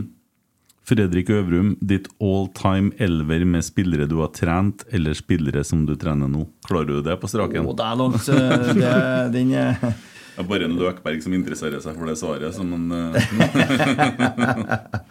Ja, nei, den, eh, den Det blir nesten litt feil å svare på så fort, tenker jeg, for da glemmer jeg noen. du måtte ha sittet litt lenger. Ja. men Jeg tror jeg har fått med det meste der. Det, det er en del spørsmål du ikke rakk å få med i dag, men eh, ja. Hva er tipset mot Ålesund, Aleksander? Blir jeg Ja, Da tror jeg vi kommer til å sprudle. Jeg tror Ålesund med han Johnsen som trener ønsker å prøve å få til et eget spill. Og det syns jeg egentlig at Ålesund har løfta seg litt høyere opp i banen. De er ikke så defensivt orientert nå. De har lyst til å ha en plan bak det, og det tror jeg kan passe oss veldig godt da, hvis vi klarer å få til de nøkkelmomentene som Svein har snakka om nå. Hvis vi får den uka her for brukt det godt, folk er påskrudd fra start, og vi ikke får en eller to tidlig i trynet fordi vi ikke er påskrudd, så tror jeg det kan bli en veldig artig match på søndag. Jeg tror det kan bli mye mål i Rosenborgs favør. Jeg håper jo selvsagt på det. Og så er vi avhengig av å mønstre et godt lag, og at vi får jobba godt gjennom uka, som du sier. Så det blir veldig spennende match. Være tilbake på Lerkendal igjen og håper på mye folk, og at vi klarer å skape eh, gode prestasjoner i den kampen som le og leverer varene litt til publikum. Og så skal vi selvsagt gjøre alt vi kan for å vinne igjen. Og ikke, altså, det er jo litt det vi savner ennå eller som vi mangler ennå. Det er den kampen der vi der vi eh, får god kontroll og skårer mye mål og vinner klart, liksom. Det, det har vi ikke hatt ennå. Selv om vi har hatt kampbilder som kunne ha blitt sånn, så, så har ikke vi hatt den skikkelig på plass ennå.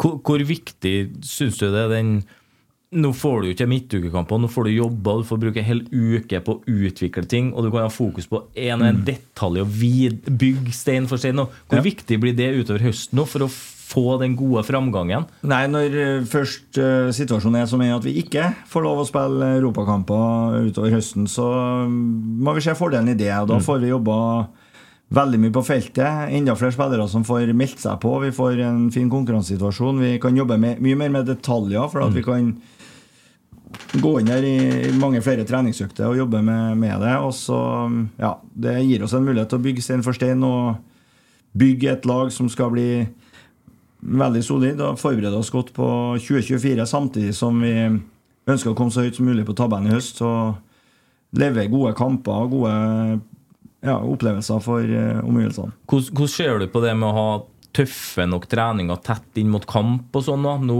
bør de jo være såpass i form at de tåler å ha ei tøff fredagsøkt med litt fire mot fire og litt Ja. temperatur og litt nedsparking. og Hvordan vil dere jobbe med det framover når når det er færre kamper? Ja, for det er jo får vi muligheten til når, når det ikke er så mye kamper. Ja. Da kan vi ha litt i tøffe øktene, De som skal, er med å skape litt kultur der det smeller litt, der det tumler. Vi hadde litt i dag òg, faktisk. Og I spillet i dag så var det jevnt hele veien inn helt til det ble straffekonk til slutt. Og, og øhm, det, sånne ting er med å påvirke kulturen i positiv retning. I hvert fall hvis du det, gjør det rett da, på rette måten. Og det syns jeg guttene her i stor grad gjør. Så vi får jobba med det eh, i stor grad, og det, det er positivt. Ja, og så er det jo noe med at kroppen er vant til å jobbe på et høyere tempo. At du, du kjenner når kampen starter, så er du forberedt på det tempoet som venter deg. For har du tett kampprogram, så blir det mye rehab, lavt tempo. Det blir en omstilling hver gang du skal i en kampsituasjon. Så jeg Ja. tror dette kan være en kjempefordel for deg og ikke minst nå, for å jobbe med de detaljene og samtidig krydre med tøffe økter. Ja,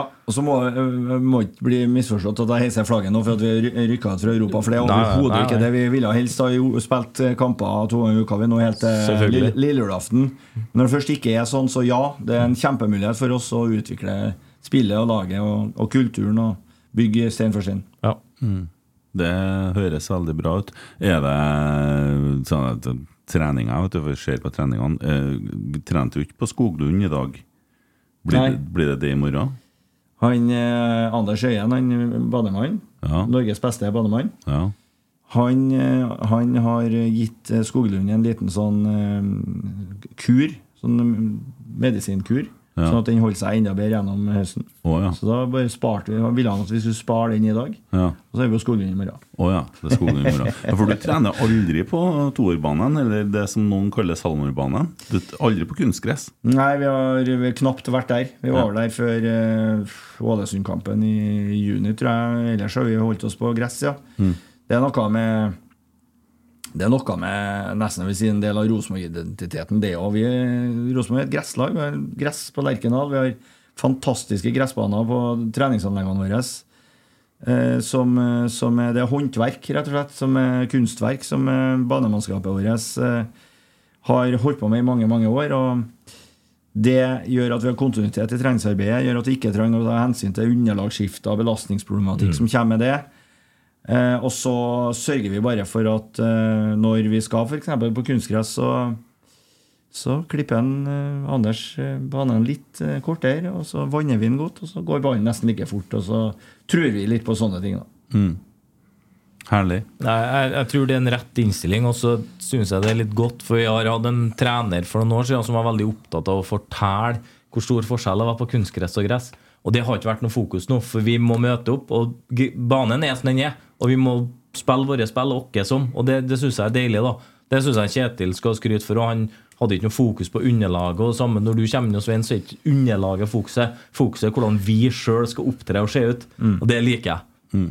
Fakta er jo at det er kunstgress på eh, brorparten av stadionene i norsk fotball nå, Eliteserien. Og enten så må vi bare akseptere det, og så gjør vi sånn som vi gjør nå.